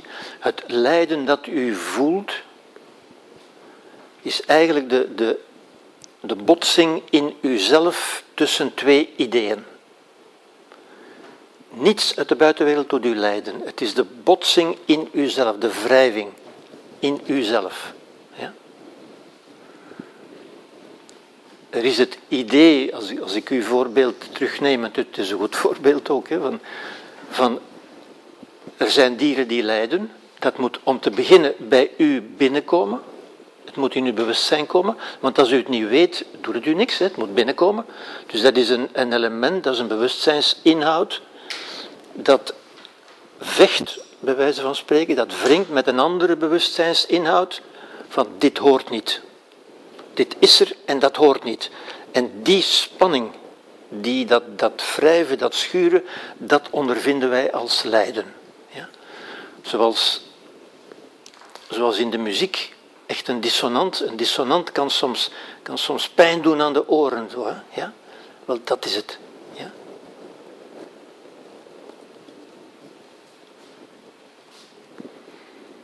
Zoals, ik weet niet wie dat nog weet, als men vroeger zo met het bord afveegde en zo met de nagels over dat.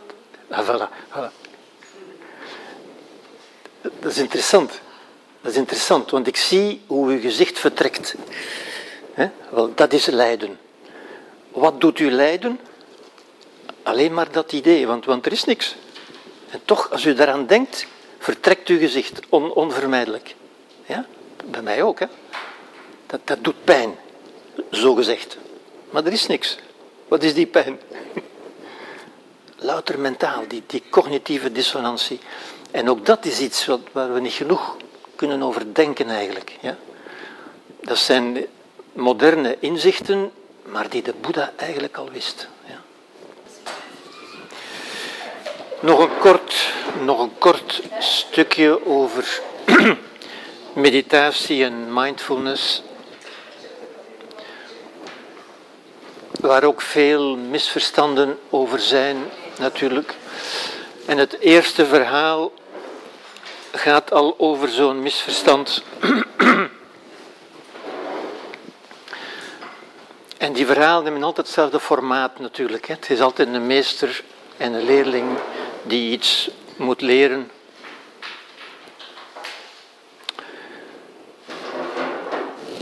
En dit is een zenmeester die een leerling zag verzonken in meditatie.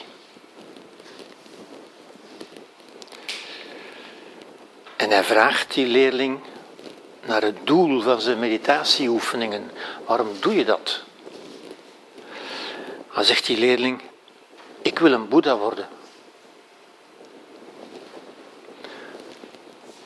En de meester zegt niks, maar hij pakt een, een dakpan en hij begint die langs een rots te schuren. En de leerling ziet dat en is natuurlijk geïntrigeerd. En hij kan zijn nieuwsgierigheid niet langer bedwingen. Hij zegt, meester, waarom, waarom schuur je met die dakpan langs een rots? Dan zegt die meester, ik slijp hem tot een spiegel. En de leerling zegt, maar hoe kun je nu een spiegel maken door een dakpan langs een rots te schuren? Hij zegt de meester, hoe kun je nu een boeddha worden door in meditatie te zitten?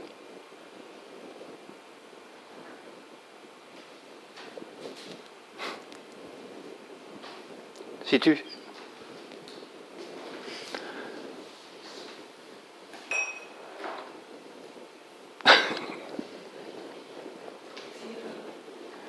Wat lief? Je ziet het niet. Wat, wat zegt die meester hier? Het is niet door in meditatie en zit u in, in de juiste houding en in de juiste, op het juiste kussentje en met het juiste kaarsje misschien en zo. Het is niet op die manier dat je een Boeddha gaat worden. Ja? Wat vele mensen denken, hè, ook hier in het Westen natuurlijk, vele mensen denken dat, dat door de juiste dingen te doen, dat is eigenlijk een magisch geloof. Ja? Magisch geloof is dat als je de juiste dingen doet, op de juiste manier, de juiste gesticulaties, dat er dan een wonder zal gebeuren. Dat je plots, als je maar voldoende lang gemediteerd hebt, dat je dan plots als een Boeddha zult, zult opstaan. Dat is natuurlijk niet zo. Ja? En in het Westen zijn wij heel vaak magische denkers natuurlijk. Ja? Wij geloven zoveel dat, dat dingen iets voor ons zullen doen. De Boeddha zegt eigenlijk altijd, niets zal iets voor u doen. U kunt iets doen. Ja, wat, ik, wat ik ook altijd zeg natuurlijk. Mensen komen soms naar mij van, ik kom, ik kom eens kijken wat u voor mij kunt doen. Dan zeg ik, ja, ik kan, ik kan niets voor u doen. Ik kan niets voor u doen. Ja? Dat, dat wrijft natuurlijk vele hulpverleners en hulpverstrekkers tegen de haren in. Maar eigenlijk is dat de realiteit. Eigenlijk kun je niets doen. Ja? Je kunt niets doen bij mensen. Mensen kunnen zelf iets doen. Je kunt ze inspireren. Je kunt ze op gedachten brengen. Je kunt ze ideeën geven. Je kunt ze de weg wijzen. Je kunt op een kaart de weg wijzen. Maar je kunt die reis niet maken voor hen. Als zij de reis niet maken, dan zal er ook niks gebeuren. Ik kan u op een kaart zo, zoveel, zolang als ik wil de weg wijzen naar Parijs, maar als u die reis niet maakt, dan zult u er nooit komen. Ja? Wel, het is een beetje gelijkaardig hier natuurlijk. Ja?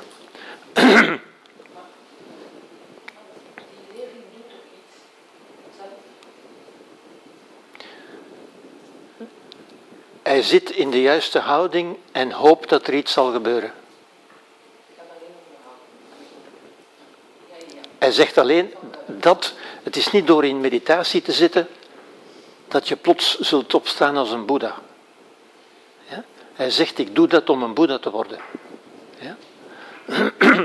En, en, dat is bij ons ook veel mensen die, die dat zo doen. Hè? Die naar groepen en verenigingen in de, in de, in de juiste, juiste omstandigheden in de hoop dat er iets zal gebeuren. Ja? Ik heb u in het begin ook gezegd, ik herinner het mij nu, in het begin heb ik ook gezegd, laat alle hoop maar varen. Ja? U moet niet hopen. Hopen doet u voor iets waar u geen macht over hebt, waar u niks kunt aan doen. Ik kan hopen dat morgen de zon schijnt, want daar kan ik niks aan doen. Maar ik moet niet hopen dat ik, dat ik niet zal roken morgen bijvoorbeeld. Want daar kunt u alles aan doen. Dat ligt alleen maar aan u. Ja? En door dat hopen, als u hoopt, hoop is de achterkant van angst. U hoopt op iets omdat u bang bent dat het niet zal gebeuren.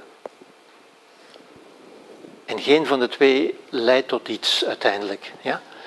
U kunt het doen, u kunt iets creëren. Ja? U kunt, wie wil ik voortaan zijn? U moet niet hopen dat u zo zult worden. U kunt beslissen vanaf nu dat u zo wil zijn. Ja? En die, die, die macht die u hebt over uzelf, beseffen heel weinig mensen. Ja.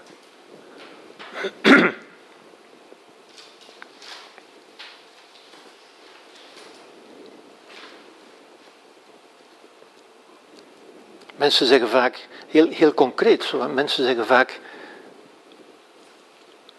dat wat er toen gebeurd is, bijvoorbeeld om te even wat, zeggen mensen, ik kan dat nog altijd niet aanvaarden. En ik hoop dat ik het op een dag zal kunnen aanvaarden. Maar dat is zinloos. Niets zal maken dat u dat kunt aanvaarden. U kunt het aanvaarden.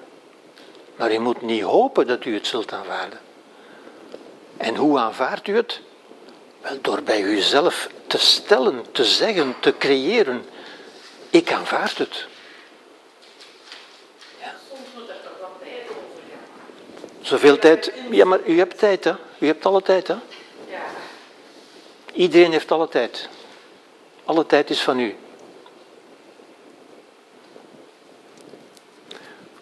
Maar dat wordt ook makkelijk een excuus, hè? van ja, maar meneer, dat is een proces dat tijd nodig heeft en zo. Nee, u hebt tijd nodig. Tot u zegt, nu aanvaard ik het. Net zoals je kunt ook zeggen, ja, stoppen met roken, daar heb je het ook tijd voor nodig. Ja, hoeveel tijd heb je nodig? Tot je zegt, nu stop ik. Als je zegt, ik hoop, ik hoop dat ik er zal vanaf geraken. Dan gebeurt er niks. Er gebeurt alleen iets als u zegt, nu stop ik. En de tijd staat ter beschikking. U, u gebruikt de tijd die u nodig hebt, die u nodig vindt, of passend, of wat dan ook. Ja,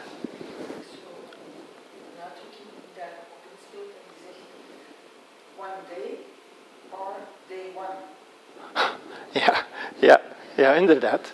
Ja, inderdaad. Ja, dat is juist. Dat is, dat is, dat is goed. Ja. Je kunt zeggen, this is day one. Nu doe ik het. Niets zal het voor u doen. Ja? En wij zijn zo vaak, we worden ook in, in slaap gewicht door de geneeskunde natuurlijk, hè, die, die, die inderdaad dingen voor u doet die u niet zelf kunt doen. Ja? Daar is dat waar. Maar in uw mind kan niemand iets voor u doen. Ja? En daar zijn zo valse verwachtingen dat, dat iemand anders dat voor u zal kunnen doen. Eh, nee, u kunt het doen. Ja. Als u beslist, vandaag of morgen of volgend jaar, wie wil u zijn? Dat is de belangrijkste vraag die u zich kunt stellen. En dat begint met ik ben. Ik ben. En dan vult u in wat u wil zijn. Ik ben nu. Westerse meditatie is vaak dualistisch zo. Een, een ik die mediteert ja, met het doel iets te bereiken, dat er iets zal gebeuren. Ja. Proberen niet te denken. Wat is dat? Dat is denken natuurlijk. Hè? Dat is denken natuurlijk. Ja? En dat is, dat is eh, self-defeating. Hè? Dat, dat, als u probeert iets niet te doen, dan bent u ermee bezig. Ja? Terwijl Oosterse meditatie is juist daar niet mee bezig zijn. Rechtstreekse ervaring van de werkelijkheid. En dat is natuurlijk een illusie. Zoals ook een, een volmaakt rechtvaardige maatschappij een illusie is, denk ik. Ja? Maar het is wel een illusie die u in een bepaalde richting laat gaan. Die u bepaalde ideeën geeft en bepaald, waardoor u bepaalde dingen gaat doen. Ja? Het belangrijke is niet of u dat bereikt, maar of u in die richting gaat. Ook dat is een richtingaanwijzer. Weet nog, ik heb u gesproken over de vinger die, die wijst. U kunt niet op de maan komen, u kunt niet de wijsheid bezitten. Maar u kunt wel altijd een stap in die richting doen. Ja? Door u bijvoorbeeld af te vragen, wat zou de Boeddha in dit geval doen? Of wat zou meester Hakuin of, of iemand anders in dit geval doen? Wat zou nu wijsheid zijn? Als ik nu pretendeer dat ik een wijs mens wil zijn, dat ik mededogen wil cultiveren, wat staat mij dan nu te doen? Er is geen ik, daar heb ik het ook over gehad natuurlijk, iets waar wij het ook moeilijk mee hebben. Ja? Het feit dat er geen ik zou zijn. Ja? Wat u uw ik noemt, is uiteindelijk alleen maar het verhaal dat u over uzelf vertelt. Met wat u denkt te kunnen en niet te kunnen, waar u tegen kunt en waar u niet tegen kunt, enzovoort enzovoort. Ja. Maar als u erover nadenkt, dat is het verhaal dat u over uzelf vertelt. Dat is niet uzelf, dat is een verhaal over uzelf. Ja? Wat bent u zelf dan in die gedachtegang? Wel, u bent degene die dat verhaal vertelt. Ja? U bent niet dat verhaal. U bent degene die dat verhaal vertelt en die het misschien gelooft. Maar u kunt ook gaan inzien, dat is niet wat ik ben, dat is wat ik zeg over wat ik ben. Ja?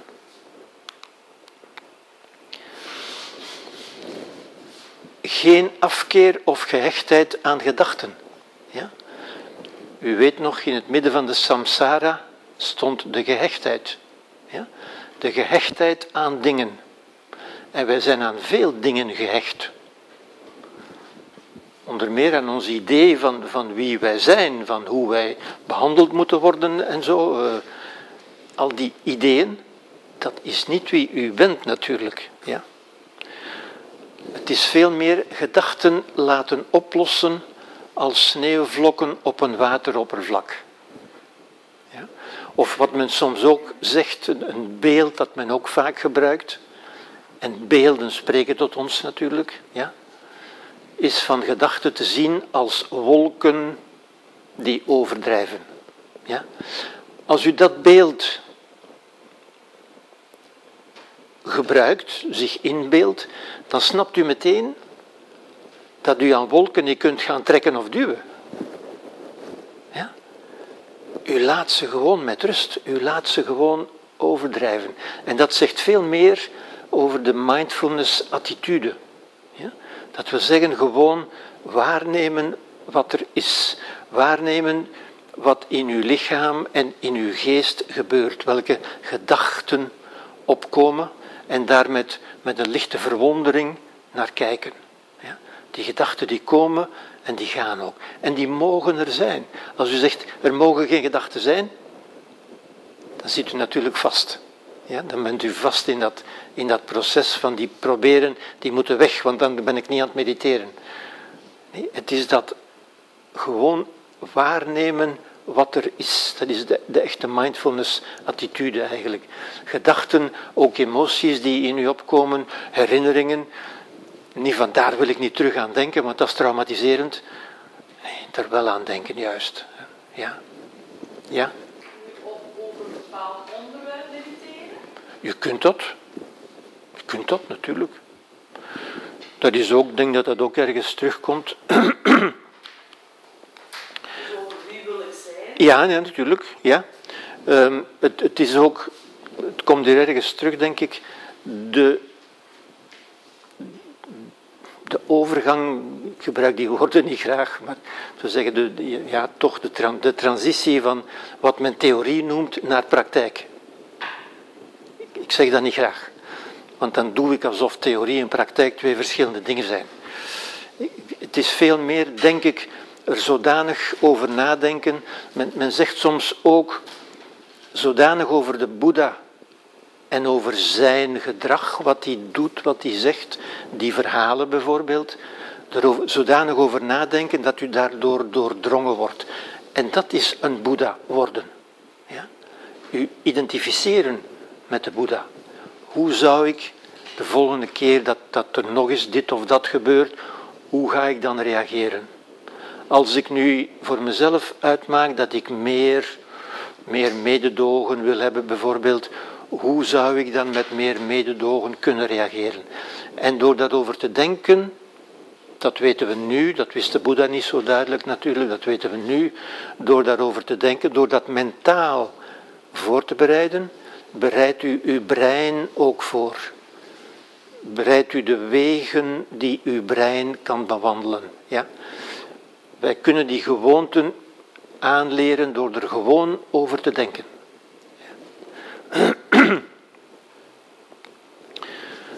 Aanwezigheid van geest, zelfbewustzijn, uw geest is uw zelfbewustzijn, zonder oordeel waarnemen van of aanwezig zijn bij de gebeurtenissen in het lichaam en in de geest. Ja? Ik zou zeggen zonder krampachtigheid.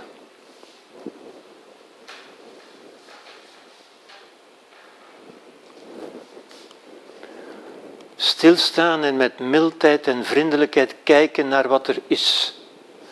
Dat wil zeggen zonder oordeel. Er is niks goed of slecht. Het is gewoon wat er is. Ja? Die attitude.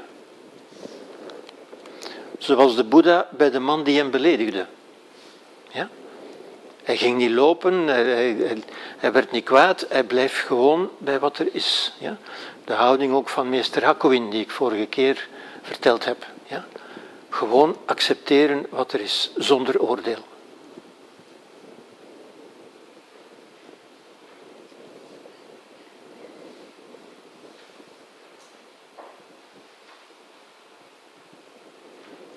Zoals uiteindelijk Christus ook geaccepteerd heeft wat hem overkwam. En Mandela ook.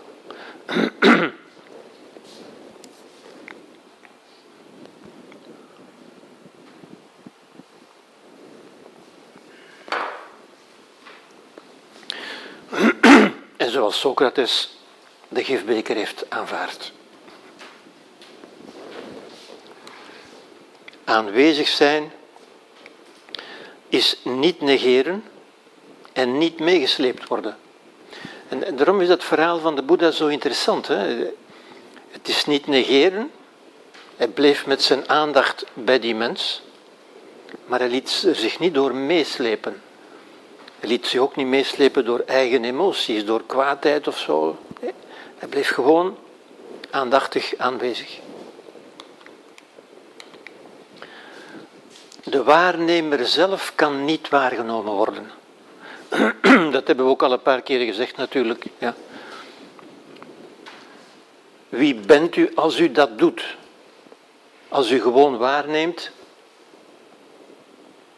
wie bent u dan? Wel, u bent de waarnemer. Dat wil zeggen, desidentificeren, u niet langer identificeren met, met gedachten of met emoties, maar de waarnemer worden. En de waarnemer zelf, ja, wij hebben de neiging, dat is ook een, intuïtief gegeven in feite, hè? dingen in de natuur schrijven wij intuïtief toe aan een persoon. Iemand moet dat toch gedaan hebben. Ja? En in de natuur noemen we die persoon God. Alle religie gaat daarover eigenlijk. Ja?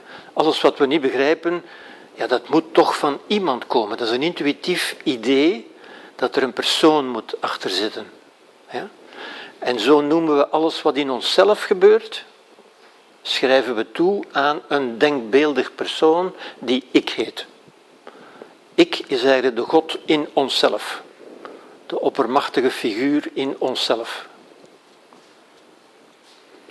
Fictief persoon, zoals God een fictief persoon is, aan, aan wie wij toeschrijven dat hij doet alles wat wij niet begrijpen. Ja? Begrijpt u dat? En dat is een intuïtie in ons. Een intuïtie is een, een, een idee dat opkomt. Zoals onze eerste intuïtie was dat de aarde plat was. Want dat was wat wij waarnamen. Ja? Dat sprak vanzelf. Dat is een intuïtie. Een eerste idee. Als wij dingen in de natuur zien die we niet begrijpen, ah, dat zal een of ander machtig persoon zijn hierboven of bovenop een berg. Of, of, ja, wij zoeken naar een persoon. Dat soort persoon in ons is wat wij ik noemen. Ja?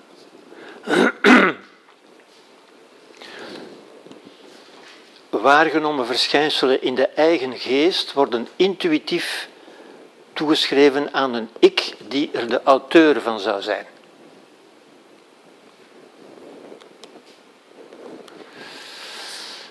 Gedachten, gevoelens en andere gewaarwordingen kunnen rusteloos of kalm zijn,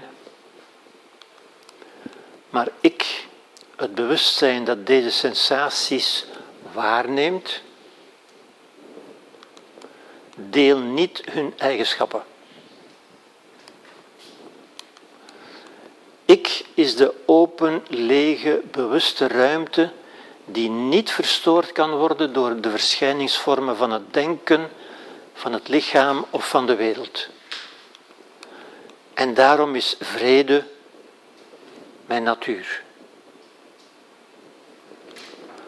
Dit is van Rupert Spira. en dus dit is natuurlijk een soort meditatie. Hè. Meditatie is niet meer dan, dan diep nadenken, zou ik zeggen. Hè? Ja? Als u beseft wie u eigenlijk bent, en het makkelijkst is van te beseffen wie u niet bent, en als u alles loslaat, wegdenkt dus, wat u niet bent, wat dan overblijft is, ik ben, u bent er. De waarnemer, de ruimte waarin dingen gebeuren.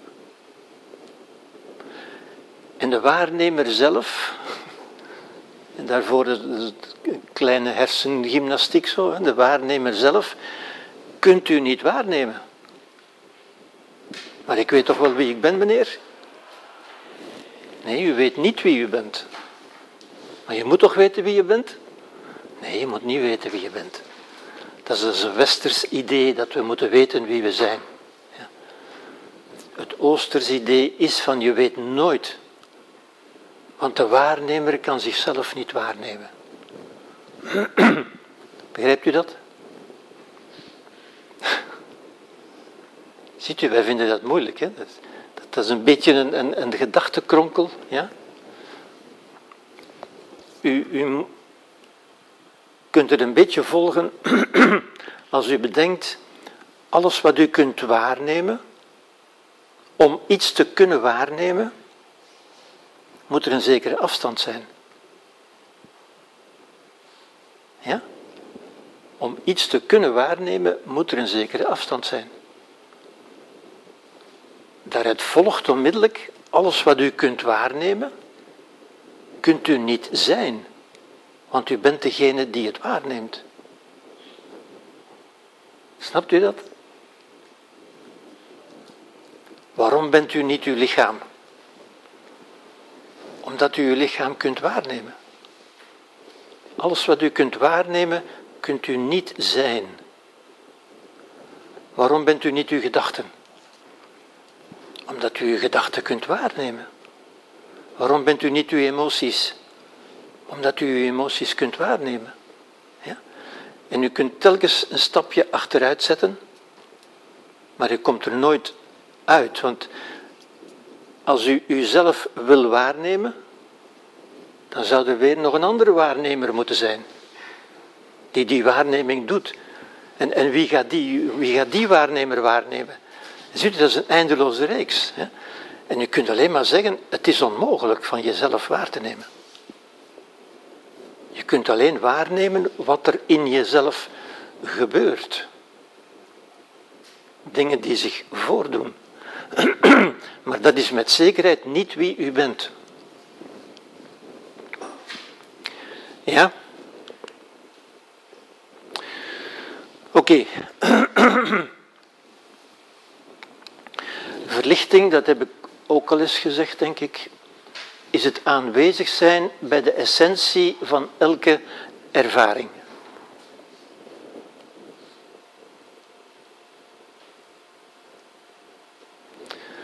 En de ervaring is eigenlijk, is eigenlijk voor elk oordeel over de ervaring. Wij noemen ervaring vaak ons oordeel.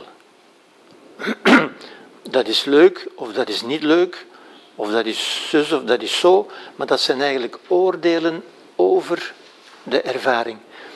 De ervaring zelf is eigenlijk woordeloos, sprakeloos.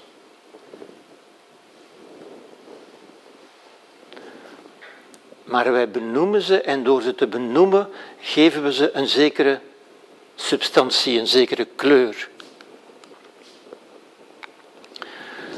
Aristoteles zei: Het is het kenmerk van een ontwikkelde geest gedachten te kunnen hebben zonder ze te geloven.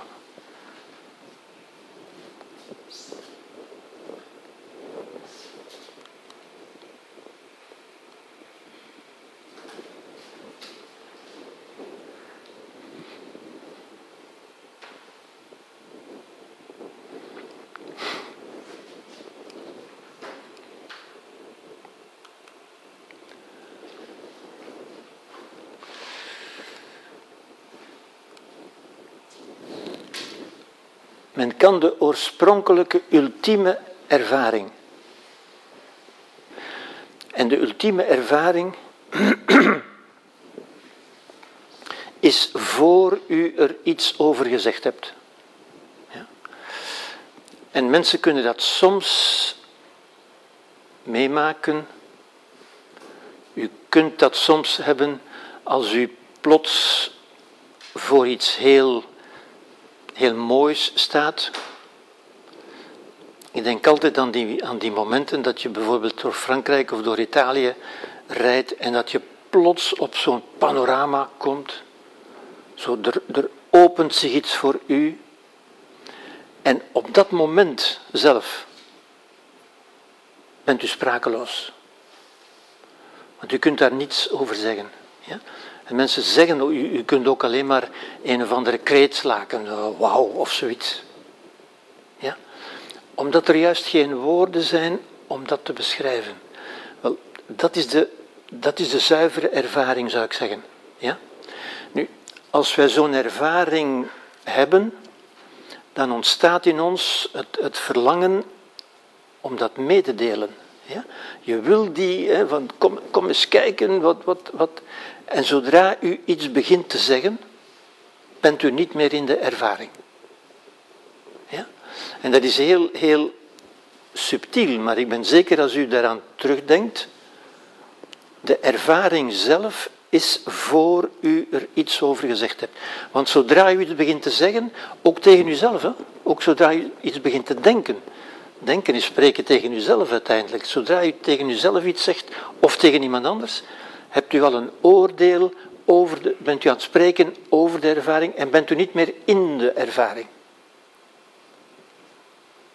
Begrijpt u dat? Wel, ik zou zeggen, waar de Boeddha op aanstuurt, is van dat moment van zuivere ervaring, de ultieme oorspronkelijke ervaring, van dat te verlengen. Ja? Van dat ook als waardevol te zien. Dat is waardevol. Ja? En al uw oordelen, dat is fijn of dat is niet fijn of dat is zus, voegen er eigenlijk niks aan toe. Ja? En zo'n moment is een moment van, ja, dat is wat wij stilte noemen, want dat is stilte, de leegte, sunyata noemt men dat ook in het boeddhisme. Dat is leeg, wij noemen dat soms leeg, dat is leeg aan woorden, aan concepten, maar dat is vol ervaring. Dat is letterlijk volledig. Het is vol aan ervaring. En mensen zeggen soms, ik, ik stroom ervan over. Ja? Maar zelfs dat is al een, is al een beeld natuurlijk. Ja?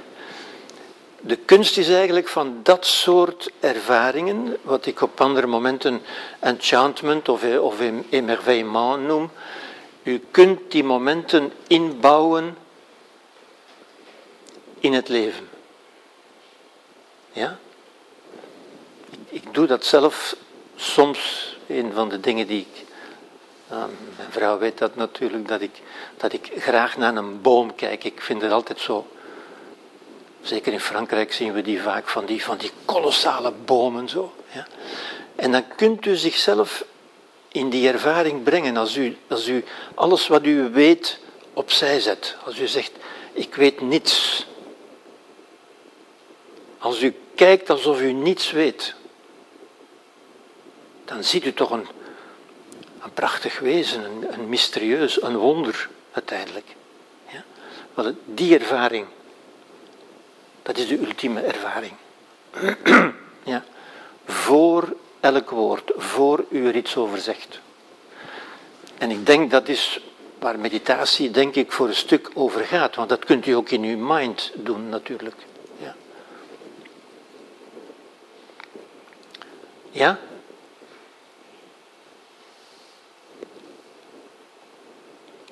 Begrijpt u dat? Ja, je wou iets zeggen. Het is eigenlijk wat wij in het Westen dan eigenlijk veel doen, dat is een ervaring omzetten in een concept of een Hoe, zegt u? dat dat wij een ervaring omzetten in een woord of een concept en dan dat gaan gebruiken los van de ervaring. Ja. Ja, Met het gevolg dat we dan in een nieuwe situatie van bijna ja, ja, ja, ja. Daarom zegt de Boeddha ook, dat, ik heb het ook al gezegd denk ik, hè. dus de woorden, de concepten, de woorden, de ideeën vormen een sluier tussen ons en de realiteit. Zodra we iets gaan zeggen, kijken we tegen dat gordijn, tegen die sluier en niet meer naar de realiteit. Ik heb ooit eens in gelezen daarvan, de eeuwige Tao is de Tao die niet kan Ja, ja, ja. Dat is dat dus. Ja, dat, dat is de eerste zin, denk ik, uit de Tao Te Ching. Hè. Dus de Tao waarover men spreekt is niet de echte Tao, hè, zoiets. Ja. Ja. Ja, ja dat is, is helemaal dat. Ja.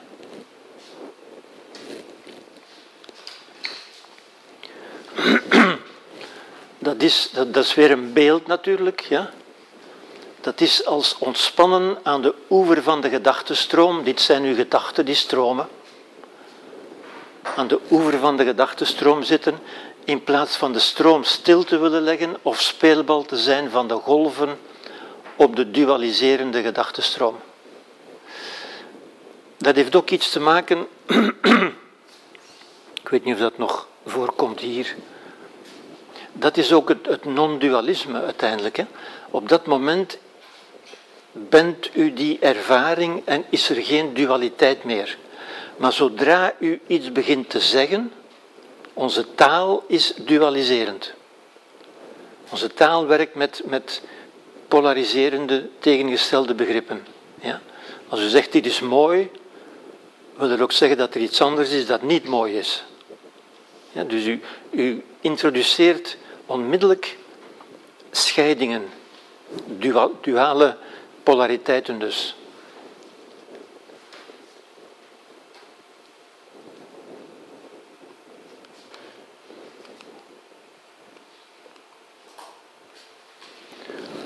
Gedachten zijn cognitieve constructies zonder werkelijkheidswaarde. Het zijn, het zijn gedachten, het zijn constructies die wij, die wij samenstellen. Het zijn, zijn met een soort mechano waarvan de woorden de, de elementen zijn. Ja. Ze verwijzen niet naar een onafhankelijk bestaande werkelijkheid. De gedachte aan een tijger is geen tijger.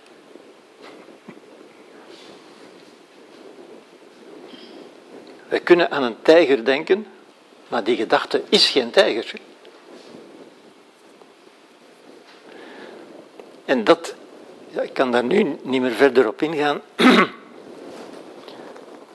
is ook zo'n boeiend proces uiteindelijk. Hè? Want in, onze, in ons brein, ons brein denkt vaak dat die gedachten realiteit zijn. Ons brein, vooral ons emotionele brein, onze emoties dus, ja, kan geen onderscheid maken tussen gedachterealiteiten en echte realiteiten.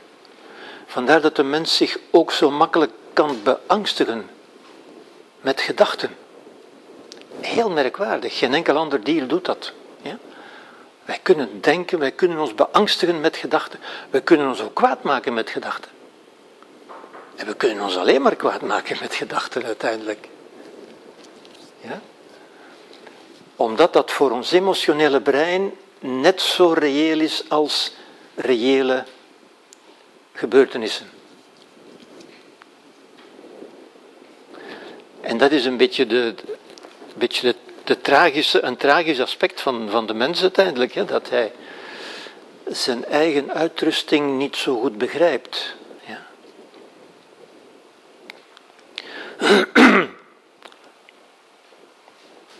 Ja.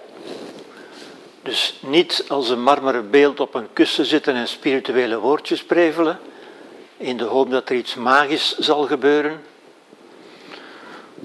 Zoals mensen van de Club van Rome in, kerken gaan doen, uh, ja. En hopen, dat, uiteindelijk is dat magisch denken natuurlijk. Hè. Hopen dat ze door die woorden uit te spreken en die gesticulaties, dat dat iets zal doen. wel wijsheid tot een centrale beleving maken. Wat, wat ik dus altijd, ja, ik, ik kan het niet beter zeggen, die wijsheid tot u nemen, ze tot u wijsheid maken. Ja? Die zaadjes bij u laten wortel schieten. En dat kan niemand voor u doen. Niemand kan u daarbij helpen. Mensen kunnen proberen, zo, zoals ik doe, ik probeer u dat uit te leggen, aanschouwelijk voor te stellen, maar u kunt het alleen maar doen.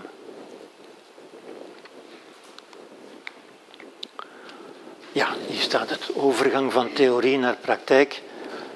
Maar zelfs die zin klopt eigenlijk niet. Maar dan ziet u weer dat het zijn pogingen om iets te zeggen wat we eigenlijk niet kunnen zeggen. Ja? Waarom klopt dat niet? Wel, omdat die zin, die woorden geven, doen, doen denken, suggereren, dat dat twee verschillende dingen zijn waartussen je een overgang moet maken. Terwijl het eigenlijk hetzelfde is. Ja?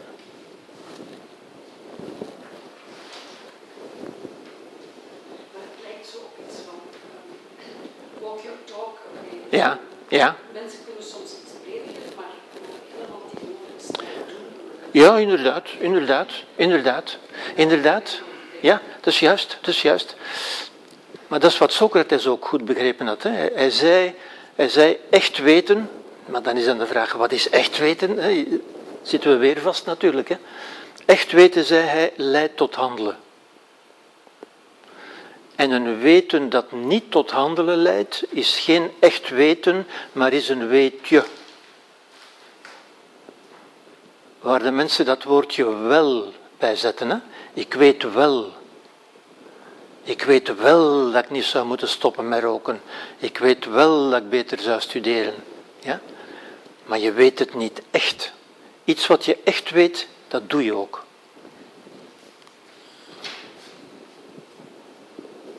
Maar dan zit je weer met dat woordje echt. Hè? Wat betekent dat? dat? Dat suggereert dan dat er dingen zijn die echt zijn en dingen die niet echt zijn. Dat vind ik ook niet juist. Alles is echt. Er zijn geen echte en onechte dingen. En ziet u met het, de taal is dualiserend en daar lopen we voortdurend mee vast.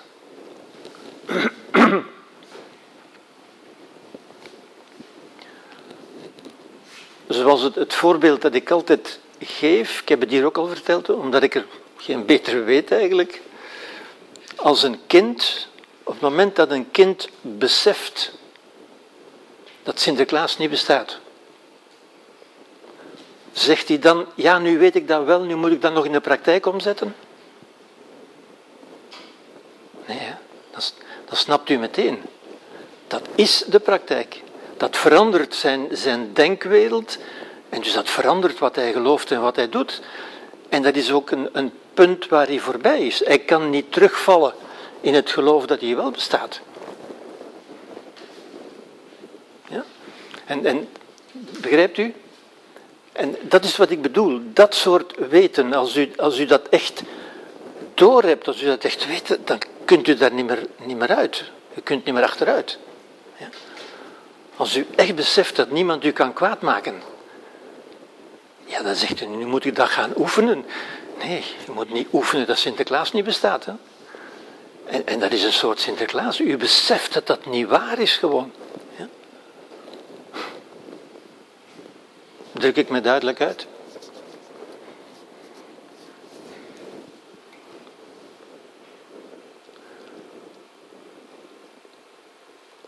Zo'n belangrijk punt eigenlijk, ja. Een manier om op elk moment en op elke plaats aandachtig te leven en aanwezig te zijn. Dat is dus in plaats van op een vast moment, eh, op een vast kussentje met het vaste kaarsje eh, zo, en het geluid van de bel daarbij. Ja. Het is eigenlijk meditatief leven, zou je kunnen zeggen, wat eigenlijk Tishnatan ook, uh, ook, ook uh, voorstaat. Ja? Dat je op elk moment, al wat je doet, kun je op een mindful manier doen. Ja? en dat is ook echt de bedoeling in feite. Niet stoppen met denken, maar stoppen met weten. voeding van de geest, zaadjes planten en zorgen dat ze groeien. Ja, dat is het beeld dat men in het boeddhisme vaak gebruikt. Zaadjes planten en zorgen dat die groeien. Ja.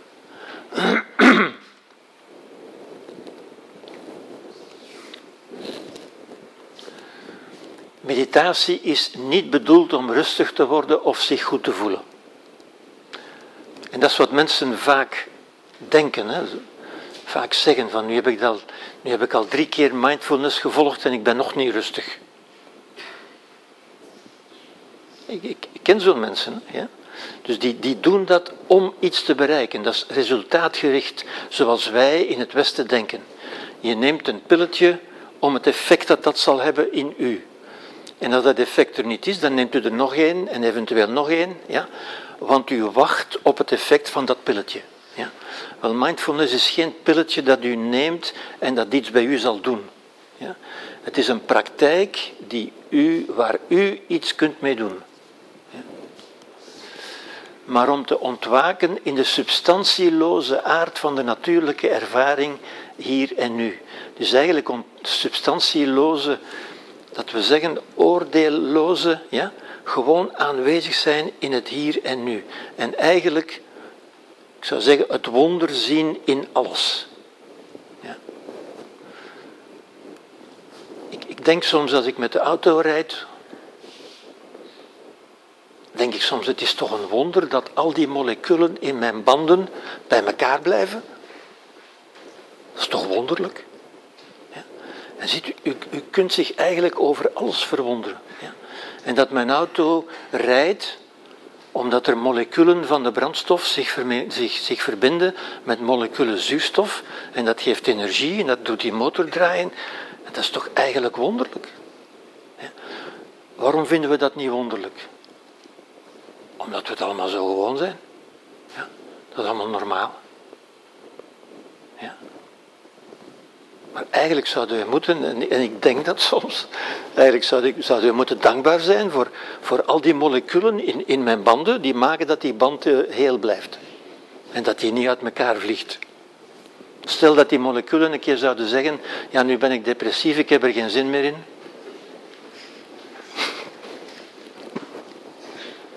Maar waarom zou dat niet kunnen? Ja?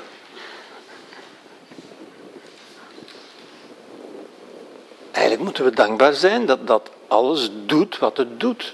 Dat die zijn waar ze zijn en dat ze doen wat ze doen. Ja? En ook in ons lichaam, dat, dat ons hart klopt en dat onze nieren en onze maag en onze lever, dat is, dat is een buitengewoon complexe. Ja? En dat vinden we allemaal normaal. Ja? Maar eigenlijk zouden wij moeten voortdurend dankbaar zijn. Hè? De tijd. Ja. Oké. Oké. Oké. Daarom aanvankelijk terugtrekken uit de wereld om te mediteren. Ja? Dat is waar je het leert, waar je de gewoonte aanneemt. En later overal mediteren. Overal op een meditatieve wijze aanwezig zijn. spiritueel oefenen of mediteren. spiritueel wil zeggen in de spirit, in de geest. En de geest is alleen maar wat we doen, de muziek die we maken met ons instrument. Is als een vlot dat je over de rivier brengt. Zie je, dat is weer zo'n beeld dat het boeddhisme gebruikt. Ja? Het is een vlot, ik heb dat in het begin ook gezegd, de leer is een instrument als een vlot. Iets dat je gebruikt. Niet iets dat je moet aanbidden, maar iets dat je gebruikt. Ja? Als je het vlot te vroeg verlaat, dan verdrink je. Maar als je het te lang meeneemt, dan gaat het je hinderen. Dan kun je niet meer door het bos lopen. Ja? Dus je moet dat gebruiken als het je van pas komt. Oefenen moet inspireren en irriteren. Zoals een groot meester, een groot meester moet inspireren en irriteren. En daarmee, ik ga nog één diatje tonen, want onze tijd is op, inderdaad.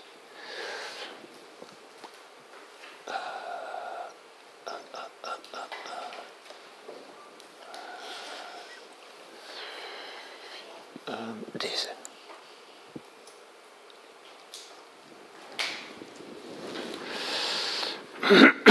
Over dankbaarheid.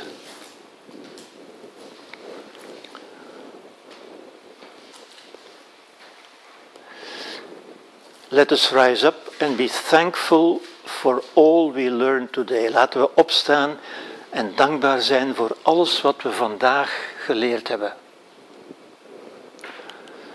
En als we niet veel geleerd hebben, hebben we tenminste een beetje geleerd. En als we niet, geen beetje geleerd hebben, zijn we tenminste niet ziek geworden. En als we toch ziek geworden zijn, zijn we tenminste niet gestorven. Laat ons dus dankbaar zijn.